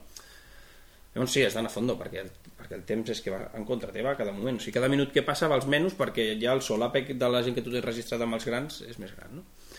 Però si vols muntar una cosa, l'Infojobs és, és el cas... Eh, o sigui, el primer cas seria l'eucalipto, no? Tires aigua i creix com molt ràpid. L'altre és creixement així més rotllo roure. I Infojobs és, un exemple. Al final és, no, jo tinc una proposta de valor, unes externalitats de xarxa, tinc que anar creixent, tinc que aconseguir com, creixement compensat, doncs, en el cas d'Infojobs necessito empreses, empreses que fiquen ofertes, ofertes que captin candidats, no? i és una roda que es van... L'externalitat de xarxa és aquella en la que en una xarxa cada... entri qui entri, d'alguna manera dona valor a tothom. O sigui, a Infojobs, si dona d'alta un candidat, les empreses hi guanyen perquè potencialment, les ofertes hi guanyen perquè potencialment, no? Així Però això acostuma també, això que és bo, a vegades és una trampa. Sí. Perquè no tens candidats, no tens empreses, no tens ofertes de feina, per tant no trobes això- candidats. això et puteja clar, l'arrencada. Sí, el que has de tenir. Però has de, has de tenir primer? Has de tenir moltíssima paciència. És un tema de paciència. Jo crec que és un tema de paciència. Bueno, has de subvencionar d'alguna forma alguna d'aquestes parts, no? Vull dir, has d'ajudar, incentivar d'alguna forma perquè entrin. Sí, sí, claro. I com has... Sí, sí, Com, com pagarà una empresa Infojobs si no hi ha ningú buscant... per suposat. O sigui, és que aquest tipus de coses que va més a poc a poc, és que just el tema de monetitzar tard, o sigui, de no, de no intentar monetitzar ràpid, jo crec que és clau, perquè t'ajuda no... Sigui, freemium una mica, el model... Sí, sí. No, Però estem el mateix, si no tenim inversió, eh, monetitzar tard també és un problema. És un, és un peix que es mossega la cua, això, també, a vegades. Eh? No? Sí, o sigui, al final, suposo, o sigui, vosaltres mateixos ja ho veieu. O sigui, jo no dic que no es tingui que invertir, el que dic és eh, el concepte d'inversió per inversió. Llavors, mm. o sigui, si tu has d'agafar i dius, no, mira, el meu objectiu és, jo vaig agafar i vaig a fotre l'Infojobs aquest. Llavors, el que fem, anem a fer és empreses, candidats, no sé què. Clar, això s'ha de finançar. Què vol dir finançar? Finançar vol dir pagar els sous. No? Vol dir pues, escolta, necessitem pasta per viure... valor gratis. No? Necessitem, claro, necessitem pasta per viure durant dos anys, no? Mm. Però el que volia dir és, un sobrefinançament crec que va, va en contra. Però per què? Perquè segurament contractaràs... O sigui, el concepte aquell de, no, és que si aconsegueixo molta més gent ho faré molt més ràpid, no? Llavors, això, jo ara aquí parlo de, només des de la... O sigui, això és opinió, eh? l'experiència que jo he vist. No, no, o sigui, clar. el concepte aquest de ficar gent, de ficar gent per ficar-la, no dona resultat. No el dona, o sigui, de veritat. O sigui, el que necessites és gent S'ha d'anar creixent a poc a poc. Eh, gent, o sigui, gent que és, o sigui, és super... O sigui, al final l'èxit ve per la gent que contractaràs. O sigui, És que és el que gent- deies amb Infojobs, no? Quan tens un monstre enorme, realment les complexitats ocultes de gestionar tanta gent, de tanta estructura, et foten la, la capacitat de, de creació d'una petita startup. Sí, total. Llavors, o sigui, també el tema aquest de, de gent, que tinguis treballant gent que entengui que s'ha de fer tot, no? I, i, tot que em refereixo. Ara dèiem el cas d'aquest i no, és que jo necessito captar gent. Com captàvem nosaltres les ofertes? Anàvem cada diumenge, compràvem la Vanguardia i introduïem a manija les ofertes que estaven a la Vanguardia. I, es van tirar més o fotent això. Llavors anàvem i trucàvem a l'empresa. Escolta, mira que són d'Infojobs, Infojobs és això, que sàpigues que me fa la teva oferta, és gratis, no et costa un duro, eh, i, i l'hem ficat gratuïtament, i a no sé que tu no vulguis, i llavors la trauríem, deixarem l'oferta, no? I això què passa? Pues que el 99% deien, ah, pues vale, si no em costa res i tal. Llavors què passava? I la setmana que ve pots tornar a posar, no? Claro, és que, no, i, i llavors a partir d'aquí pues, vas fotent-li, no? Sí, sí, sí. I clarament, en aquest cas, nosaltres tenim que treballar la part de l'oferta que portava intrínsecament la captació de l'empresa i això era el valor que tu ficaves en el mercat per captar desenvolupadors. També per anar... Nosaltres al principi captàvem molts tècnics, mm. perquè van ser els primers que, que van adoptar la solució d'aquesta de trobar feina per, per internet. S'atrevien a fer servir internet, no? També per... Sí, sí, clar, al principi. Vull dir, tu ara Infojobs trobes ofertes de, de lo que sigui, però en aquell moment nosaltres vam tirar dos anys que tot eren tècnics i ofertes tècniques, programadores, sí, sí. que és normal, no? Vull dir, són els primers que. Igual, jo què sé, amb el tema de l'Android també ens ha passat, perdona, amb el, uh, fot dos anys i mig quan van començar, doncs tot era gent que eren molt, molt, molt tècnics, molt geeks, no? Pues perquè eren el tipus de perfil de gent que tenia un Android i tal. Ara, avui en dia, és que al revés, aquests quasi no existeixen. Sí existeixen al millor igual, però el percentatge dins del total de la gent és que quasi és inexistent, perquè ara tothom, o sigui, Bueno, de, de fet, eh, ja, no només hi ha tot tipus de gent, sinó que després d'altres plataformes, no? O sigui, és algo així com quasi el 15% del trànsit que aconseguim ve de, de, de dispositius que no són Android. Gent que ens escriu amb el correu, escolta, m'he intentat instal·lar aquest joc al meu BlackBerry i no, i no funciona. Hòstia, Android Zoom, no? Sí, I a tot arreu expliquem, expliquem que necessites l'Android i que t'enviarem al Google Play i tal. És igual. No, la gent no llegeix. Jo en general diria que la gent no llegeix les webs. Això és una altra reflexió filosòfica. Resumint com a filosofia de negoci, hi ha alguna que t'inscriguis, tipus Lean Startup o Bootstrapping, o, o... Quin, és, quin és el que t'inspira? que no tingui nom. Encara que no tingui nom. Sí, no, no, o sigui, de les que tenen nom, mm, per desconeixença no, no te'n puc dir cap. Eh, o sigui, jo les coses, el concepte aquest de... de és, que- és que és el sentit comú. O sigui, és, és molt el tema de... O sigui, tot ho hem fet, nosaltres sempre ho hem fet igual. És el tema d'intentar fer les coses de sentit comú, portar les coses amb naturalitat. O sigui, és el concepte una mica de surfear, no? És com, com fer surf. Llavors, hi ha moltes... O sigui, és centrar-te en les coses que tu controles. Les coses que tu controles vol dir la teva... Comença per la teva punyetera actitud davant del teu negoci. La teva, la, llavors, la del tio que tens al teu costat, doncs una, una actitud comuna de tota l'empresa. Llavors, és, aquestes coses que estan al teu control. Doncs farem aquest producte. Tenir sempre clara la pregunta. Quan fas una cosa, dir la pregunta que m'estic fent o la pregunta que em contestarà si tinc èxit és aquesta, no? Pues escolta'm, si estic fent contingut editorial per Android Zoom, un any després tinc que haver aconseguit que la gent em retorni amb un percentatge X, o és igual, potser no tinc un objectiu, però dic, però ha d'haver pujat. Si ara tinc un 10%, que sigui un 30%, o si tinc un 50%, que sigui un 70%, no? Aquesta mena de preguntes, sempre, perquè si no fas les coses, després no saps si t'han anat bé, o si t'han anat malament, o si té sentit fer-les, o si has de mantenir-les, has de seguir. Quan la resposta és no, amb, una, amb aquesta pregunta, què fas? Adeu, tanques i ja està. Tanques o canvies, pots canviar el model? Exacte, que és millor pivotar o Exacte. tornar a arrencar. És que, Clar, depèn del cas, però l'actitud, o sigui, tancar, un, tancar una startup o plegar amb una idea és una cosa Sí. que no se li ha de tenir por. Ah, no, no, claro que no. No, al revés. O sigui, però això potser és el cas més extrem, no? Jo em referia a, a inclús a implementacions del dia a dia d'una empresa, però sí, sí, o sigui, clar, aviam, si tu dius, jo existeixo, o sigui, per què existeix Android no? Dius, no, escolta, si jo aspiro a captar gent que vingui a consumir el meu contingut editorial i llavors vull ser un creador d'opinió i tal i qual, i després totes les preguntes que m'estic fent, escolta'm, la gent, la gent ho consumeix, m'ho reconeix, eh, creix en aquest aspecte, tal, totes les respostes són no, en tot cas, o sigui, utilitzo el cas d'Android Zoom, dius, has de tancar Android Zoom? Bueno, en tot cas, lo que, lo que segur que és que Android Zoom, el futur a través d'aquesta posada en escena no tindrà. Vale? O sigui, i això pot ser tancar, pot ser reinventar-te. A nosaltres va passar l'invers, o sigui, fa, quan, eh, eh, quan Google treu el seu Google Play, llavors ell fica en web a disposició de tothom el catàleg, nosaltres vam dir, aviam, Parlem-ne, no? parlem-ne. O sigui, La, la pregunta era evident, no? Què fotem De nosaltres? fet, abans, abans de començar a gravar tenim aquesta conversa, no? Dius, què fotem a partir d'ara? Bàsicament tenim dues, dues opcions. No? Una opció era seguir a fons amb temes de ficar-se molt agressiu amb temes de captació de trànsit per SEO, monetització per advertising i fins que es rebenti. És una opció. I l'altra opció és intentar donar-li una mica més de sentit. Doncs Nosaltres vam creure que érem capaços de donar-li una mica més de sentit. I va ser com vam muntar l'equip editorial i vam començar a crear la tecnologia de recomanacions i aquesta mena de coses. No? Vam dir, no, pillem distància de la distribució, no competirem i intentem aportar aquesta mena de valor. No? I llavors les mètriques doncs, són aquestes. Dius, escolta, la gent ens ho consumeix o no ens ho consumeix. Hi ha mètriques que dius, escolta'm, la conversió de gent de visitar una, una, una diguem, fitxa de detall d'una aplicació en instal·lació quan una aplicació té review o quan no la té. Pues, evidentment, hi ha una part estructural que, és, que fa que les que tenen review sigui superior. Per què? Perquè la, la qualitat intrínseca de les aplicacions review, amb review és, és més alta. No? Però després hi ha tot un percentatge que el crearem nosaltres. Vull dir, estem parlant de que el 40% de la gent que visita una aplicació sense review l'instal·la i que quan té review és un 85% de la gent. I a més, el temps que tarden en decidir instal·lar-la és super molt més ràpid, o sigui, és que és extremadament més ràpid. Nosaltres tenim una fitxa on a dalt d'una manera molt d'allò tenim pros, contres, una, una petita frase de per què t'has d'instal·lar això, no? I llavors la gent és que ja, ja ho veu. En canvi, quan es troba una fitxa que el que hi ha és la descripció del desenvolupador, que no hi ha la part de pros i contres, que no hi ha una nota del reviewer, tarda molt més temps perquè suposo que comencen a mirar a veure això exactament què és, no? I s'ho llegeixen i ho miren. Hòsties, doncs eh, em sap molt de greu dir això, però anem una mica justos de temps. Jo, jo, jo tancaria, tancaria amb, amb unes quatre recomanacions que podria fer un emprenedor que està intentant muntar un projecte aquí, a, a, concretament a Barcelona Sí. o a Espanya.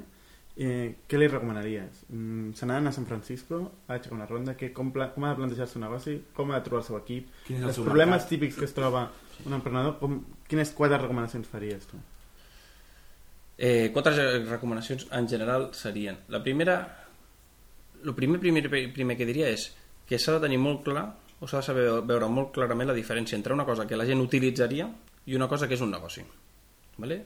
llavors això pot semblar molt, molt bàsic però veig moltíssima gent amb molta, amb molta confusió aquí no, és que això si ho faig això és guapo i la gent ho farà servir ja, però això és un negoci o és una... Saps? doncs aquesta és la primera o sigui, que, que realment d'alguna manera puguis explicar per què el que tu vols fer és un negoci entenent que realment vull dir, ets un emprenedor perquè vols final un emprenedor és un empresari en pràctiques eh? vull dir, eh, pues, si, si ets un empresari vols muntar una empresa i tal pues aquesta és la primera, és, és el, el, tenir clar el concepte aquest, no? de la utilitat i, la, i el que és un negoci. Aleshores, eh, després que el, el repte més gros que, serà, que tindrà serà el de contractar gent, que alhora és entendre que no ho faràs tu sol, vull dir, necessites gent per fer les coses i, i, i la confiança que puguis tenir la gent. I al final és gent que, que, que estigui molt alineada amb tu, t'has de conèixer molt a tu mateix per, per aconseguir gent que et complementi i gent que sigui molt com tu en el procés de prendre decisions i aquesta mena de coses. És, això, és, això és que és molt generalista, però és que és així, vull dir, és que és, és lo de la gent. O sigui, eh, d'altres coses que has dit, això d'anar a San Francisco, no, no sé. O sigui, en tot cas, si, qualsevol, si tens una idea que la pots fer en global, fes-la sempre. Abans de pensar molt en local, això que hi ha negocis que són intrínsecament locals, no? Però si, si un negoci que tu vols a fer, que vas a fer, pots fer-lo per tot el món, fes-lo per tot el món, que lo d'estar aquí a Barcelona sigui una característica, perquè jo sóc d'aquí, doncs el faig aquí, però no, no venc aquí. A més, la situació de crisi, tot Espanya és un país del que, del, amb el que no es poden fer molts plans a futur. Jo crec que aquestes tres coses són les que són claus, no sé si hi ha alguna altra cosa... Però és això, si és entendre quin és el teu negoci o d'on voldràs fer els quartos, trobar la gent clau, créixer, créixer amb ells molt. O sigui que al final, vull dir, em sembla que de, el que sempre he vist, es munten, un negoci, es munten negocis d'aquests, hi ha com un equip de 10, 20, 30 persones que, que es coneixen molt, molt, molt, molt i després ja comença a venir més gent amb la que ja no hi ha tant vincle, no? Una empresa d'èxit i aleshores el tema és que aquests 10 o 20 que van estar al principi, els que quedin, 10 anys després es giren i diuen, joder, ha valgut la pena el fotut. Saps? Mm. Doncs vale la pena, té que veure amb aquestes coses. O sigui, és el tema aquest de no d'evitar dislèxies de, de pues, què sé, cosa, han parlat del tema del finançament no? doncs entendre el moment quan una empresa ha d'agafar i buscar finançament gros que és perquè tinc aquests plans concrets i tinc aquestes coses i ja tinc tota aquesta gent registrada i ja he fet unes proves i veig que aquestes primeres proves aquests usuaris em fan aquestes coses que jo esperava i estan disposats a pagar-me aquesta mena de coses no? Perquè si no es créixer per cre... I, i, bueno, i l'altra és això que deia abans, el tema de no tenir... I la quarta, te'n dono una quarta, que és el concepte aquest de no tenir por a decidir coses i tenir tranquil·litat de que si, si, mínim, o sigui, si ets capaç d'argumentar la decisió estàs prenent una bona decisió i aleshores no prendre decisions el que abans hem descrit, hem des, hem descrit com imbecilitats no? i llavors és, són les ocurrències i és això, o sigui, és, és el no tenir ocurrències o sigui, i el concepte aquest de portar les coses amb naturalitat, sentit comú també hem parlat del tema surfear o sigui, aconseguir aconseguir aquesta, a, a, aquesta tranquil·litat t'ajuda a tenir perspectiva. La pèrdua de perspectiva és, és, fica en risc molts negocis. Intentar, o sigui, una cosa que vam fer Android Zoom això és, eh, eh, durant un temps estava mirant la competència, no? i va haver un dia que, que, que vaig tenir com una epifania i vaig dir, no, vale, ja, o sigui, a partir d'aquest punyetero moment em crec que nosaltres serem líders, llavors com ho crec, ho faré exactament el que tinc que fer com a líder, llavors deixo de mirar la competència, no faig benchmarking de la competència, perquè és que en el moment en què estàs mirant la competència tot el punyetero dia, automàticament t'estàs et converteixes en un seguidista, saps? Vas darrere, sí, sí. Vas darrere. Doncs el tema és fota't davant, fota't davant. Fota't, o sigui, actua com si estiguessis davant. I, I això el temps ens ha donat la raó. Teníem algunes coses... O sigui, hi havia raons per les que fer això, no? No, no, és, no pot ser... Això és per atenció fer-ho el dia que comences. Però, ostres, és la manera... Això, això és una manera molt, molt pràctica d'aconseguir perspectiva. Vale? I la perspectiva ajuda. Doncs moltes gràcies, Albert. I jo crec que tenim, tenim prou material per convidar-te un altre dia per parlar potser de, de temes més concrets que han anat Sí. sorgint. No? A mi se m'ocorren mil preguntes sobre la implementació a la pràctica d'una startup d'internet, parlaves de mètriques, Exacte, parlaves de processos, però, però m'he mossegat la llengua perquè si no no acabarem mai. Bueno. Eh, moltíssimes gràcies per venir en aquest nou, diguem, aquest nou semàntic i esperem que et podem tornar a convidar d'aquí uns pocs capítols. Gràcies a vosaltres. Seguim amb, amb els temes diversos, parlarem una mica d'actualitat i d'algunes coses que han passat, però començarem parlant d'un parell d'aplicacions que hem comentat abans, que eren Cinemagram i Gifture. Ens podries explicar de què van, Jack, que les coneixes? Bueno, Cinemagram jo no el tinc descarregat, ah, però Giftur sí i bàsicament consisteix en... és una aplicació yet another application, encara una altra aplicació més per compartir fotos, però, però... en aquest cas són GIFs i, Animats? i bàsicament, sí, GIFs animats i bàsicament el que pots fer és fer diferents fotos i llavors et fa l'animació GIF. Això amb Gifture, que és bastant simple, però en canvi Cinemagram, Cinemagram està molt millor perquè el que fas és que fas un vídeo molt curtet i llavors, ara farem un i el penjarem en aquest episodi, farem un, I treu frames un a- cinemagram. No, aleshores et demana que facis com una màscara amb el dit i eh, deixa estàtic tota la resta excepte el tros on fas la màscara. Saps? Llavors queda un efecte una mica estrany i a sobre li apliques un filtre hipster, estil d'Instagram, i ja tens la combinació super hype. O sigui que això serà adquirit per Twitter per uns 300 milions l'any que ve, Molt o bé. Seguint la projecció que portem ara.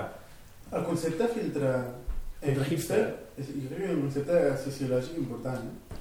Què vols dir concepte Elabora, sociològic? elabora una mica més. Què vols dir concepte sociològic Vull important? dir que, que, que Instagram filtres hipster, Jo soc, aquesta un, associació... jo soc un usuari d'Instagram Bueno, és que tu ets un hipster. No, a veure, a veure, si parlem de hipsters tenim aquí el convidat Jack que ens podria il·luminar sobre el tema no, no, No, no. A mi m'agrada molt l'Instagram més que res perquè com que treu qualitat a la imatge perquè la baixa resolució i a sobre li aplica un filtre que amaga imperfeccions t'ajuda que qualsevol foto que treguis amb el mòbil sigui prou bona com per publicar-la o sigui, tu quan treus una foto si tu penses amb el Flickr de tota la vida no la publiques feta amb el telèfon perquè la vols editar amb el Photoshop, vols arreglar-li el balanç de blancos, ui, Blancos. de blancos, tela, balanç de blancs, etc. Jo, jo realment m'he entès això. O sigui, tu fas... mm, Jo a Instagram veig un gran percentatge de fotos que són sabates mm, o objectes mm, totalment irrellevants aplicats amb el filtre Uh -huh. i que suposadament passen a adquirir una màgia Però des una del punt de gràcia. vista de composició entenc que són interessants. Perquè l'Instagram el que Fotos té... quotidianes són en general. Fotografies, exacte, quotidianes en què la gràcia, amb molta gràcia, és la, part, és la composició. Què, què vols transmetre amb aquella fotografia? No, però és que la composició... Ni, no, sigui, jo crec que la, la, la composició de la majoria de fotos d'Instagram no tenen la més mínima importància. No, En sí, general, no les, les bones... Les bones sí, no, jo crec que és com la gent que li agrada escoltar música en vinil o la gent que li agrada eh, mirar vídeos de Super 8, no? Les limitacions Hi tècniques ha gent que tenen... encara mirar vídeos. Sí, i tant. I la limitació tècnica és un avantatge. O sigui, el fet de que la resolució sigui poca i a sobre apliquis un filtre i perdis la, ma la majoria de matisos et, et fa fer un tipus de fotos diferents. No és la típica foto amb HDR on l'única gràcia és que tot és molt lluminós i tot es veu molt bé, sinó que has un detall bo, una, un, un instant bo. I la gràcia és que ho fas amb el telèfon, que el dus sempre a sobre. No sé, jo, jo és el que veig. Jo per experiència de publicar fotos amb reflex, amb, amb HDR, amb efectes, amb... anava a dir paraules grosses i m'he callat. Eh, les fotos que més likes acostumo a tenir són fetes amb Instagram. Mm -hmm. Aviam, jo, jo insisteixo, o sigui, un tema que sociològicament em sembla molt interessant perquè és una aplicació cotrilla en el sentit que és fàcil de fer no és cotrilla però té un bon disseny i tot el que vulguis però és fàcil de fer i els, uns paios foten això i dos anys després estan venint l'aplicació per un bilió americà Mil milions de dòlars, mil, mil milions de dòlars en, Ah, ah. sobretot en accions a Facebook, a Facebook. Vull dir que no és no? només Llavors, escolta'm, això és un fenomen sociològicament interessant Sí, que digui? no, bueno, mm, sí, i econòmicament i tot, vull dir, és un fenomen en general que ningú entén. Com això pot valdre un milió de dòlars? Vale, però prèviament, com aquests tios guanyen aquesta massa crítica? No? Per això... mm, Bueno, és la màgia de l'App Store també, eh? Jo, però jo crec que hi havia un forat en quant a... Es necessitava una aplicació per compartir fotos a... Facebook i Twitter no, no omplen, Exacte, ni tu, tu, Flickr. jo no volia Flickr pujar... jo crec que és el, com el, el que estava més establert per compartir fotos, però Flickr s'ha especialitzat en fotògrafs amateurs que fan fotos de qualitat, en general. Tu quan tu navegues en Flickr, hi ha alguns professionals, però sobretot són amateurs, amb càmeres de 2, 3, 4.000 euros, gent... Hi ha hagut de tot en el món de les fotos. Ah, Des de Fotolog, Bueno, era un altre mercat, Fotolog, bueno, no faltarem el respecte a ningú, però era un altre mercat.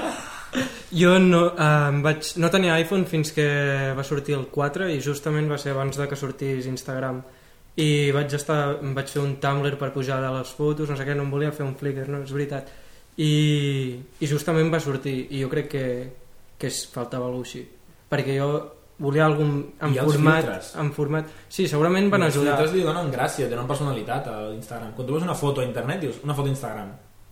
Mhm. Pot no ser-ho, però és molt raro que una foto sigui quadrada i tingui un filtre mig cremat on les cantonades No, aquí fan vignetting i tota la història és quasi sempre a Instagram. És interessant perquè és un concepte senzill que, que té un impacte gran. I tot el que és això bueno, és d'innovació, en el sentit, encara que sigui en el sentit de producte. Sí, sí. I una startup que va començar amb un empleat, de seguida van anar a 3 i que amb 16 empleats s'han vengut per 1.000 milions de dòlars. Vull dir, realment és un fenomen interessant. Mhm. Això no n'hi ha cap dubte. I com comentàvem, Instagram i Gipsture, sobretot, eh, perdó, Cinemagram, és de l'estil d'Instagram però per GIFs animats, que són a partir de vídeo i que en penjarem una de les notes de l'episodi fet, fet ara per, pels que estem aquí xerrant. Teniu, alguna, teniu alguna idea del que passarà amb Instagram? Amb Instagram s'integrarà amb Facebook. Jo està bastant, ja... Si les fotografies ja apareixen en el teu mur, en un lloc... Però això Twitter ho va fer especial, fa un any o fa més de mig any, com a mínim. El què, el què, com? Que Twitter integrava Instagram. Ah, sí. En el feed de Twitter les fotos d'Instagram apareixen ja desplegades. Quan tu posaves l'enllaç d'Instagram. El, bueno, un altre tema, no? Per què Facebook va adquirir Instagram? Hi ha la teoria extensa a internet que és que Twitter estava en negociacions avançades per adquirir Instagram, per integrar-ho com a fer-se més forts en la compartició de fotografies i que Mark Zuckerberg en persona tenia com molta tírria que aquest tracte es tanqués i va arribar amb la bitlletera d'accions que és una bitlletera diferent i va trencar el deal comprant ell l'empresa bueno, això no, són articles i rumors d'internet no ho sabem segur Podria ben ser. Jo espero que Instagram segueixi, perquè crec que és una comunitat xula, no? A mi m'agrada bastant. Phil Schiller va deixar de...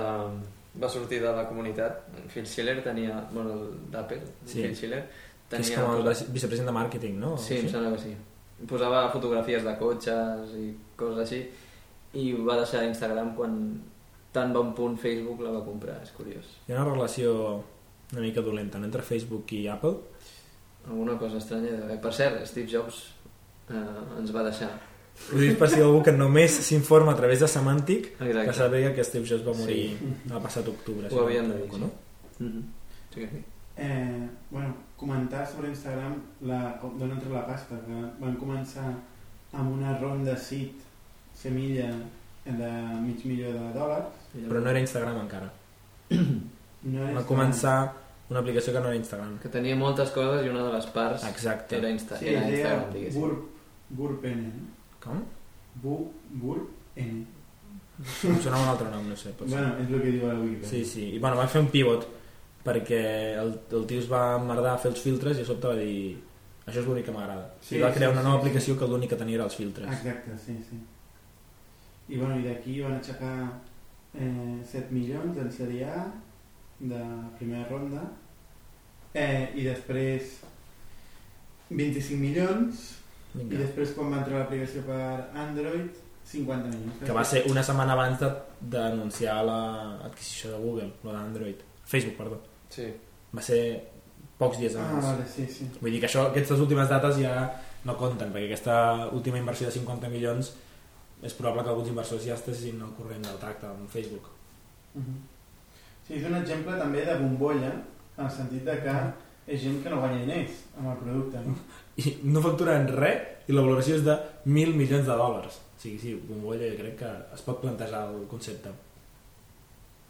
Uh -huh. Sí, sí.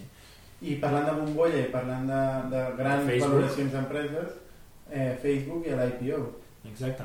Doncs, bueno, darrerament s'han publicat els números definitius dels els documents de filing, com es diu, quan, quan Facebook presenta a la seva proposta, la seva auditoria per sortir a borsa, el que es diu fer una IPO, Uh -huh. és una mm, oferta de llançament públic o així, que és la, la traducció. Ah, la traducció literal. Exacte, doncs han publicat molts números que fins llavors eren secrets o els anunciant com volien, aquí s'han auditat, per tant són tots certs, i entre d'altres la valoració de Facebook és de gairebé 100 bilions de dòlars, o sigui 100.000 milions de dòlars, Mm -hmm. segons els bilions americans.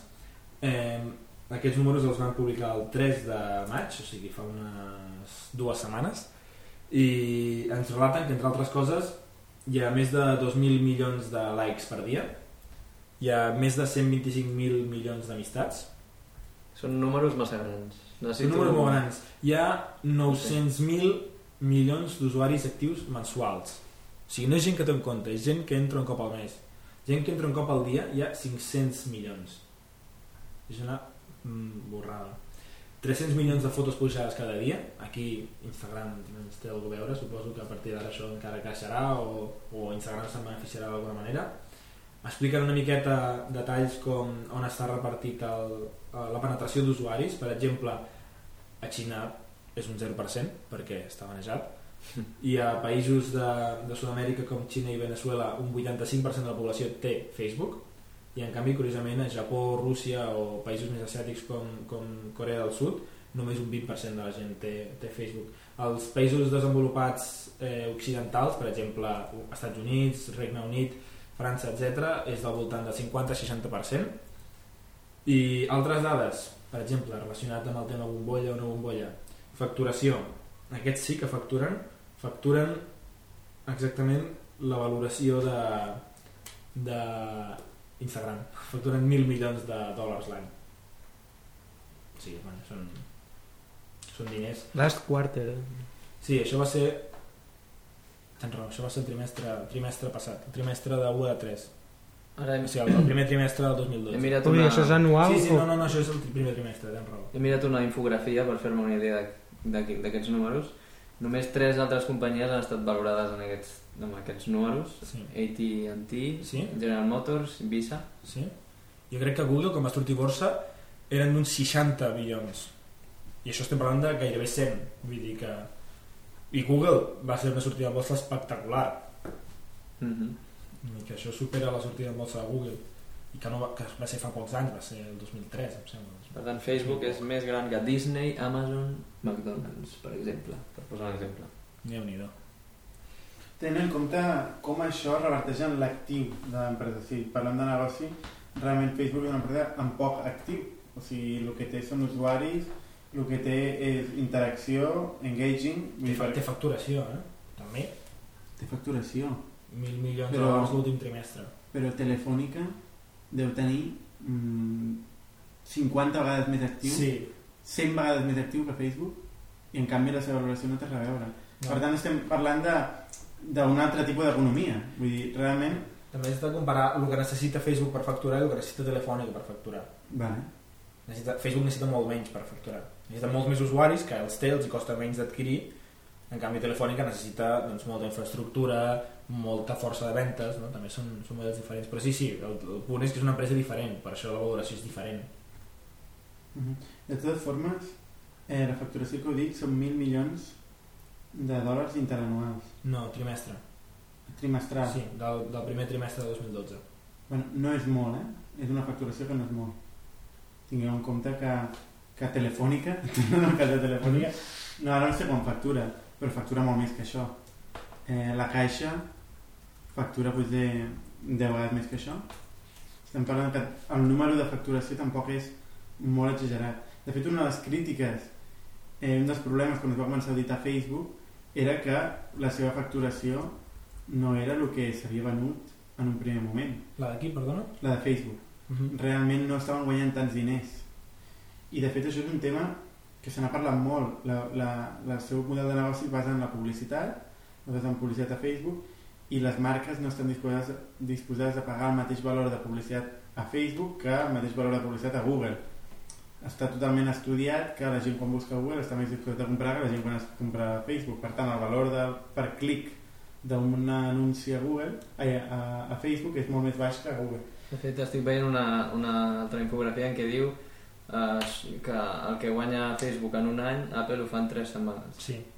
Clar, Telefònica va facturar l'any passat 62.000 milions o sigui, 62 vegades més que Facebook en un trimestre per tant podríem dir que 15 vegades més més o menys sí, sí, sí, segueix 15 vegades Bueno, telefònica, és que tampoc és telefònica és un exemple. Estic utilitzant exemples que podem entendre Sí, sí, sí, sí, i tal. sí, però està bé tenir mesures perquè realment quan passes de, de pocs milions és impossible Sí, mesurar clar. aquestes empreses no? mil milions és molt poc? I en canvi m'esteu dient que la sortida a borsa s'està valorant com una de les més bèsties que hi ha hagut eh, en els últims anys. No? Per tant, d'aquí és on es parla de bombolla. Bombolla, com hi ha hagut amb altres temes, com va haver als anys 2000 amb el .com. Eh, realment s'estava professionalitzant un mercat en el qual el mercat financer no tenia la més mínima idea de com funcionava, com operava, com creixia, però sí que es veia que tenia una tendència a creixement i una grandíssima rendibilitat. Precisament per la, la poca necessitat d'actiu per facturar. I, i, bueno, i ara sembla que torna a passar una mica amb el cas de Facebook. No sé si això serà una bombolla o realment això es traduirà en... en bueno, Jo la bombolla la veig més clara amb Instagram que amb Facebook en si. I Facebook té valor. Per No què? sé si són... Per què? Perquè mm, un percentatge molt gran del tràfic d'internet passa per Facebook. Vull dir, controlen... Han tret un, un tros de pastís de publicitat online molt gran a, a Google, per exemple.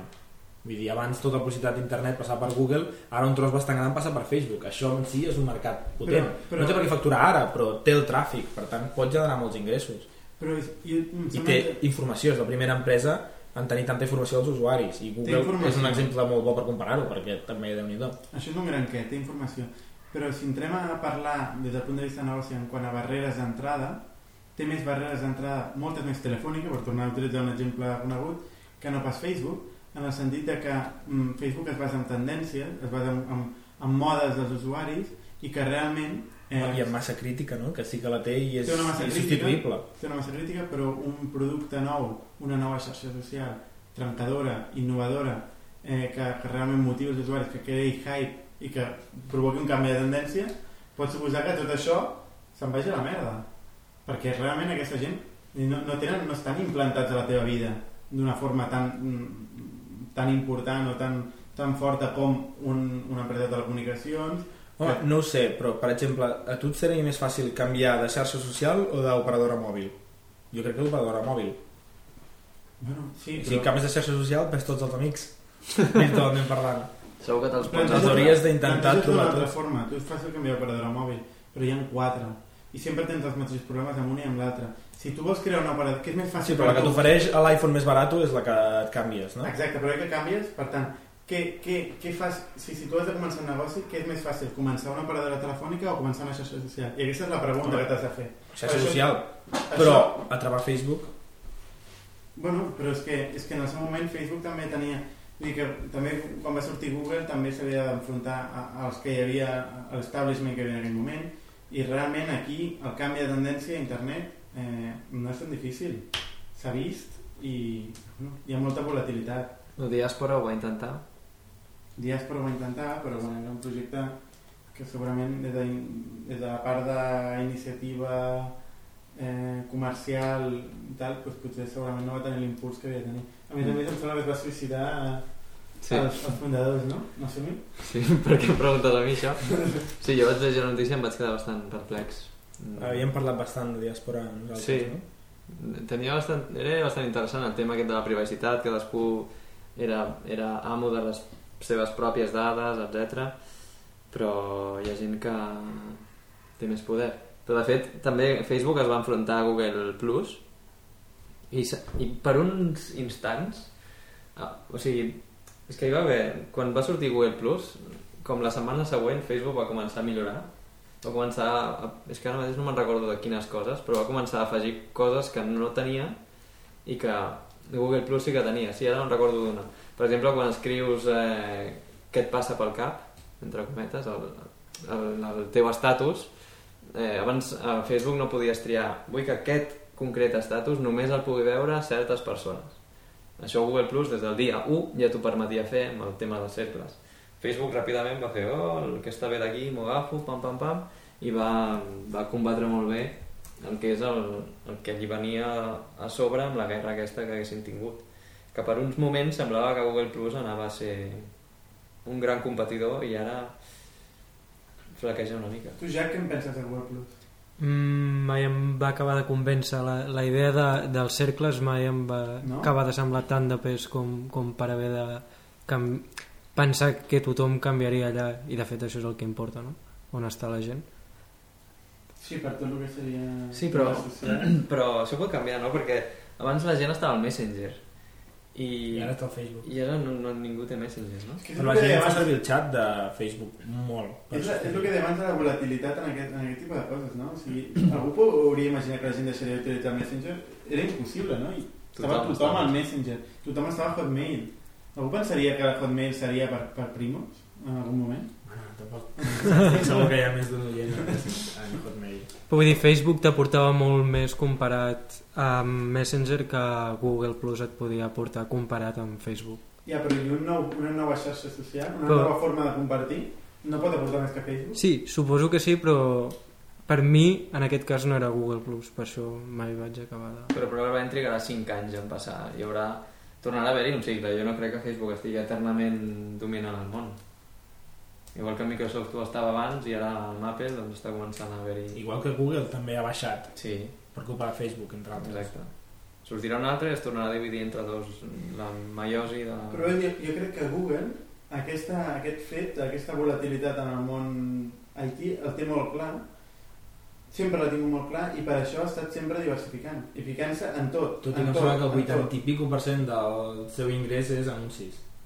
O sigui, s'hi participa, però no genera ingressos comparat amb el que ingressen per... O sigui, diversifica en maneres el 80, més del 85% de, dels ingressos de Facebook, de Google, són anuncis. Diversifica en maneres de posar anuncis, però segueixen sent anuncis. Vale. Arriba a Facebook i se'ls indú un 10% d'això, o un 15%. Vale, vale, però és que, eh, és que tot el model de negoci de Facebook també és de, és de publicitat. Bueno, té el gaming i té, i té la seva plataforma, però... Mira, aquí en, en aquest, en, a partir de l'IPO es pot deduir que el 15% dels beneficis de, dels ingressos de Facebook estan relacionats amb Zynga. Amb Zynga. 15%. Zynga és l'empresa que va Farmville. Farmville, que és, si no el joc, un dels jocs més famosos de Facebook. I La Q3 gent alhora? Paga per conrear. Eh? Sí, sí. I Q3 alhora, sí. I cutre. I he jugat moltes hores en aquest joc. Sí? He jugat moltes hores. Sí, sí. Has conreat patates? He conreat patates, mira, et puc dir tot el que he conreat, sucre, patates... Rapidet, eh? Sí, eh, és que era un eggplant, que és esvergínies... Bé, era un joc en anglès, vaig aprendre anglès, Gràcies a... vaig aprendre a conrear, vaig aprendre a tenir paciència i a calcular els beneficis, eh, quina, quins eren els... Tot el que has après a la vida ho has après en el, Sí, en economia, economia del món. De totes formes, jo des del punt de vista d'interfície, eh, la interfície de, del Google Plus a mi m'agrada molt. Eh? La I la nova, de fet, la, de fet l'han redissenyat. L'han redissenyat, Sí, M'agrada molt. fa tres setmanes. I Facebook ha millorat molt, eh? també hem de dir. La interfície de Facebook està bastant bé. Sí, però... però Google Plus segueix, segueix guanyant en, en I crec que és la Estic bomba. d'acord. I jo el que he de dir és que l'aplicació de Facebook pel mòbil està comen comença a empitjorar, bueno, no sé vosaltres si us ho sembla, però a mi cada cop em va pitjor. O sigui, a vegades estic carregant una notícia... La negra. Sí. Carrega una notícia i em carrega una altra cosa, una altra pàgina, o triga mil anys, o diu que no... Bueno, no sé. Dades, dades variades del document de l'IPO de Facebook. Eh, Mark Zuckerberg, després de, de fer el llançament públic, seguirà tenint el 23,5% de Facebook, que és una salvatjada per una empresa que té més de 20 inversors i que ha sortit en, en borsa, vull dir que realment el patrimoni que toma és una passada. Axel Partners, que és un dels inversors més forts que han tingut fins ara, tindrà un 7% i Dustin Moskovitz tindrà un 6,25%, que és un, un, un dels cofundadors de Facebook que està des del principi, que se'n va anar de Facebook per muntar una empresa que es diu Asana, que és un software de col·laboració que havíem comentat algun dia. Mm. I a partir d'aquí venen diversos eh, inversors i tenim també Sean Parker en cinquena posició amb un 3,2%. O sigui, també déu nhi en la... En la Aquest és el de... Sean Parker és el fundador de Napster Això. i el cocaïnomen de la pel·lícula de Social Sí. Network. Qui és això? Sean Parker, Ah, Sean Parker. 3,25% de, de Facebook. Una altra dada que m'ha fet gràcia és un, un anàlisi de freqüència de paraules en aquest document. La més desmentada és usuaris, la segona, amb bastanta diferència, és mòbil, mobile, és en anglès, després ve pagaments, després ve Zynga. O sigui, en, en aquest document es parla bastant de Zynga, perquè clar, té una dependència Facebook de Zynga. Si Zynga canviés molt, Facebook es veuria doncs, més o menys un 15% afectat. Bazinga. Bazinga. Després ve Microsoft, jocs, telèfon, Google, Microsoft. iOS, Android i Apple. Què n'han de fer Ah, per ordre. Microsoft? Bueno, Microsoft és un fabricant de software que fa servir la majoria de gent del món, no? Ah, sí? Sí, Windows, Internet Explorer. Ah, Sí, sí. És un, és un cas curiós aquest de Facebook.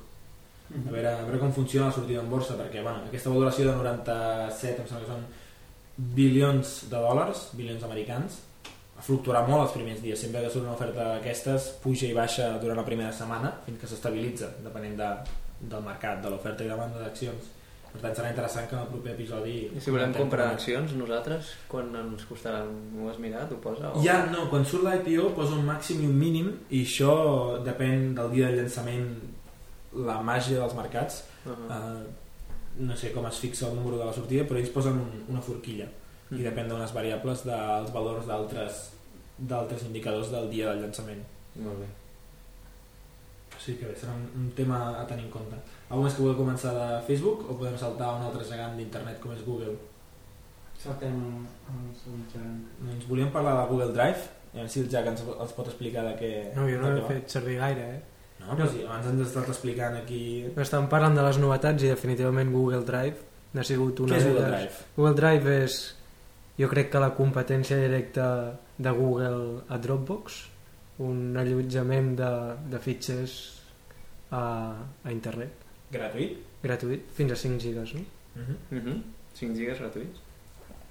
I bàsicament... té algú millor que Dropbox? A part de que Dropbox tenia que donar 2 gigas, no, inicialment? No me'n recordo. Si ets Sí. estudiant en tens 4, si busques bé la vida arribes fins a 23, 24, 25. I si pagues... I si pagues pots tenir un tera. Tinc entès. Sí, jo he pagat, sóc jo, sí. D'acord. En els gràfics de Dropbox hi ha un Spike que posa Bernat Ferrero.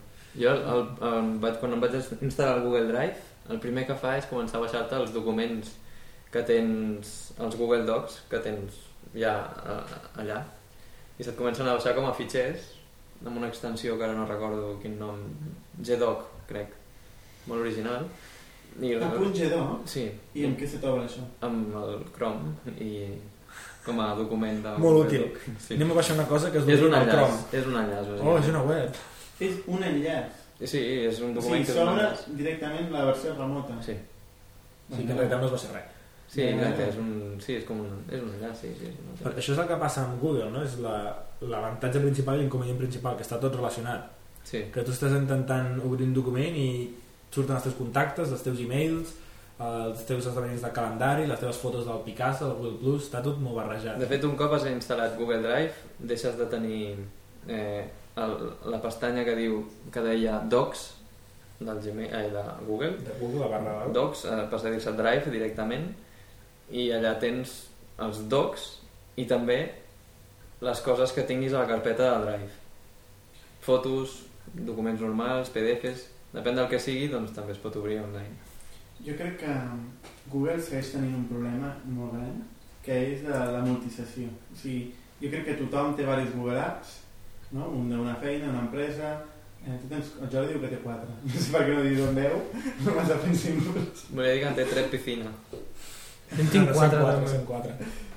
Jo, jo també tinc, mm, no sé si quatre o cinc o, o, o menys, O vuit. i, i la veritat és que és una putada haver de canviar cada vegada de, de, de sessió, haver de canviar calendari, haver de canviar de docs, i Però ha millorat moltíssim a l'últim mig any, eh? Vull dir, Bueno. abans era impossible. El botó Abans switch era account. impossible i ara... El, el botó Switch Account a, No, a mi sí. m'ha canviat bastant la vida. Ah, exacte. Anava a dir, vale que és una merda, però Ara, el és, concepte de canviar de calendari d'una a l'altra ara són 8 clics, abans era mitja hora i dos no, navegadors no, privats. Jo segueixo Sí, sí, sí, sí, e-mails de gent que m'agrega als cercles de tots els accounts ah, bueno jo, a bueno, Google pot Plus. ser, pot ser Jo no vull que m'agreguin, ja tinc un, jo vaig fer-me un... i encara surt el, persona- Google Buzz i el Google Wave dels comptes antics no? aquesta merda de Google Tinc, clar, tinc una barreja de tot, no? I, I és evident, és un cas d'ús habitual. La gent utilitza per treballar Google Apps.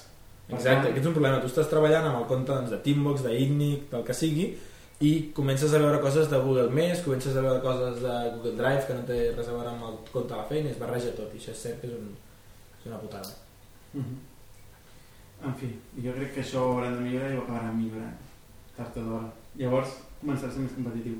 Parlant de Google Plus, eh, comentar també que, que estan incentivant molt eh, des del punt de vista de SEO, és a dir, de posicionament de portals, eh, tot el que es volqui a, a Google Plus. Com és lògic, és el seu propi sistema, si tu volques coses al Plus, prioritzen els resultats. Per tant, estan, almenys tots els seus Una mica perillós, no? estan fent Que feina. Google faci alguna així. Mm. No és obvi, però vull dir Google que... és una empresa privada, Sí, sí. Google pretén maximitzar el seu benefici, el seu potencial principal és el cercador, l'utilitzarà quan faci Bueno, falta. això està relacionat amb el fet de que tenen tanta informació teva, inclòs el tema de Google Més, que les búsquedes entre el meu Chrome i el teu Chrome ja no s'assemblen en res fins a la vuitena pàgina. Vull dir que cada vegada estan més personalitzades la búsqueda, fins a punts absurds. qual, això per nosaltres, o per la gent que té que consumir internet i vol fer un esforç de posicionament, és una putada. Cada vegada més. Bueno, has de fer més treball orgànic. ha estat molt enfocat a un grup, no? a un grup demogràfic, perquè Mm. canvia molt una persona jove que una persona gran, un home que una dona, una persona amb 10 amics o una amb 200, no? que influencia molt a l'ús de Google Més i de... Mhm. Parlant de- de- d'això i relacionant-ho amb el màrqueting que has de fer per un, per un producte, eh, si vols posicionar un producte, un dels canvis que han fet és fer eh, HTTPS la cerca. Vale? O sigui, ara la cerca, com, Perfecte. com que està eh, autenticada amb el teu usuari, ara és HTTPS, i això què provoca? Que tot l'estudi de paraules clau amb la que la gent, per, per analitzar en el teu portal la gent com t'està arribant, per quins conceptes t'està arribant, s'ha complicat exponencialment perquè tot el que ve amb HTTPS ara mateix des de Google Analytics o des del sistema mètric que vulgueu que estigueu utilitzant no podeu saber amb quina paraula clau aquest usuari arriba Això és bo de cara a l'usuari final, una miqueta més de privacitat. però això és una putada No, de l'usuari final. Eh? I això és la raó perquè l'Analytics et fica, què et fica? no set, no set o... A mi em fica... Pues llavors a mi em fica una cosa Què- diferent. Em què et fica? fica... Pot- potser no sé no. Uh, not provi no provided o no provided. Sí. això, sí, sí. Vale, ara ho entenc. Aquesta és la raó per la qual el Google Analytics s'ha com- s'ha s'ha emplenat de not provided. I, i, Això ho poden arreglar ells, no? Ells tenen tot, és la gràcia... Ells tenen tot, tenir ens, tot han putejat, ens han putejat la vida amb això, però és que ara mateix no sabem cap on tirar, cap on posicionar-nos. realment està la gent que es dedica al màrqueting online i a l'analítica molt cotejada amb això. Què passa? Hi ha un, una eina de Google que sí que, que sí que permet saber-ho. Com es diu? Google AdWords. Amb Google AdWords pots saber quines són les keywords amb les que t'arriben. I, I per això, evidentment, el seu core de negoci, el seu model de negoci es basa en la publicitat i que per aquí no en treballen. I no oblidem que Google farà tot el que faci falta per incrementar els seus ingressos com qualsevol altra empresa. Relacionat amb el tema màrqueting online, un tema que teníem desordenat però està relacionat, ens volies parlar de Pinterest, no? Sí, però jo crec que ho deixaria pel segon episodi perquè m'agradaria explicar-vos unes quantes coses. De fet, m'agradaria portar el Carles Rocafont, que s'està tornant amb una mena d'especialista en Pinterest aquí a Barcelona, que treballa a Camalun, i, i bueno, podem, podem parlar-ne en el segon episodi, si us sembla bé. Sí, tenim una pila de temes, però entre l'entrevista i tot se'ns està fent llarg l'episodi, o sigui que ho deixem aquí, no? I com que ara hi tornem i ja ens ho creiem, en el proper episodi ja parlarem de tots aquests temes que, si voleu fer una miqueta de spoiler, teníem pensat parlar de Pinterest, parlar una miqueta de Path, també hi havíem comentat Photoshop CC6, eh, Kickstarter, que és un fenomen sobre el crowdfunding i, i està venint molts projectes molt interessants, i com a exemple el Pebble Watch, que és un rellotge que s'integra amb smartphones, etc etc. També algunes novetats d'Apple, Galaxy i més coses que succeiran a les properes setmanes. Moltes gràcies, Jack, per, per venir a, amb nosaltres en aquest episodi. El problema sobre- m'ha encantat estar aquí. I sobretot per la feinada que t'has fet amb la pàgina web, que és espectacular. Per amor a l'art. Per amor a l'art, per amor a Merci. semàntic. T'ho agraïm molt i bueno, farem constar en el, en el post i, i en la pàgina web. Va. Molt bé, doncs moltes gràcies per escoltar-nos en la nostra tornada semàntic. Us veiem en el proper episodi. Seguiu-nos en el nou nostre blog, eh, també un blog amb enllaços, amb molta actualització i Twitter, Facebook, tots els canals que puguem. la propera.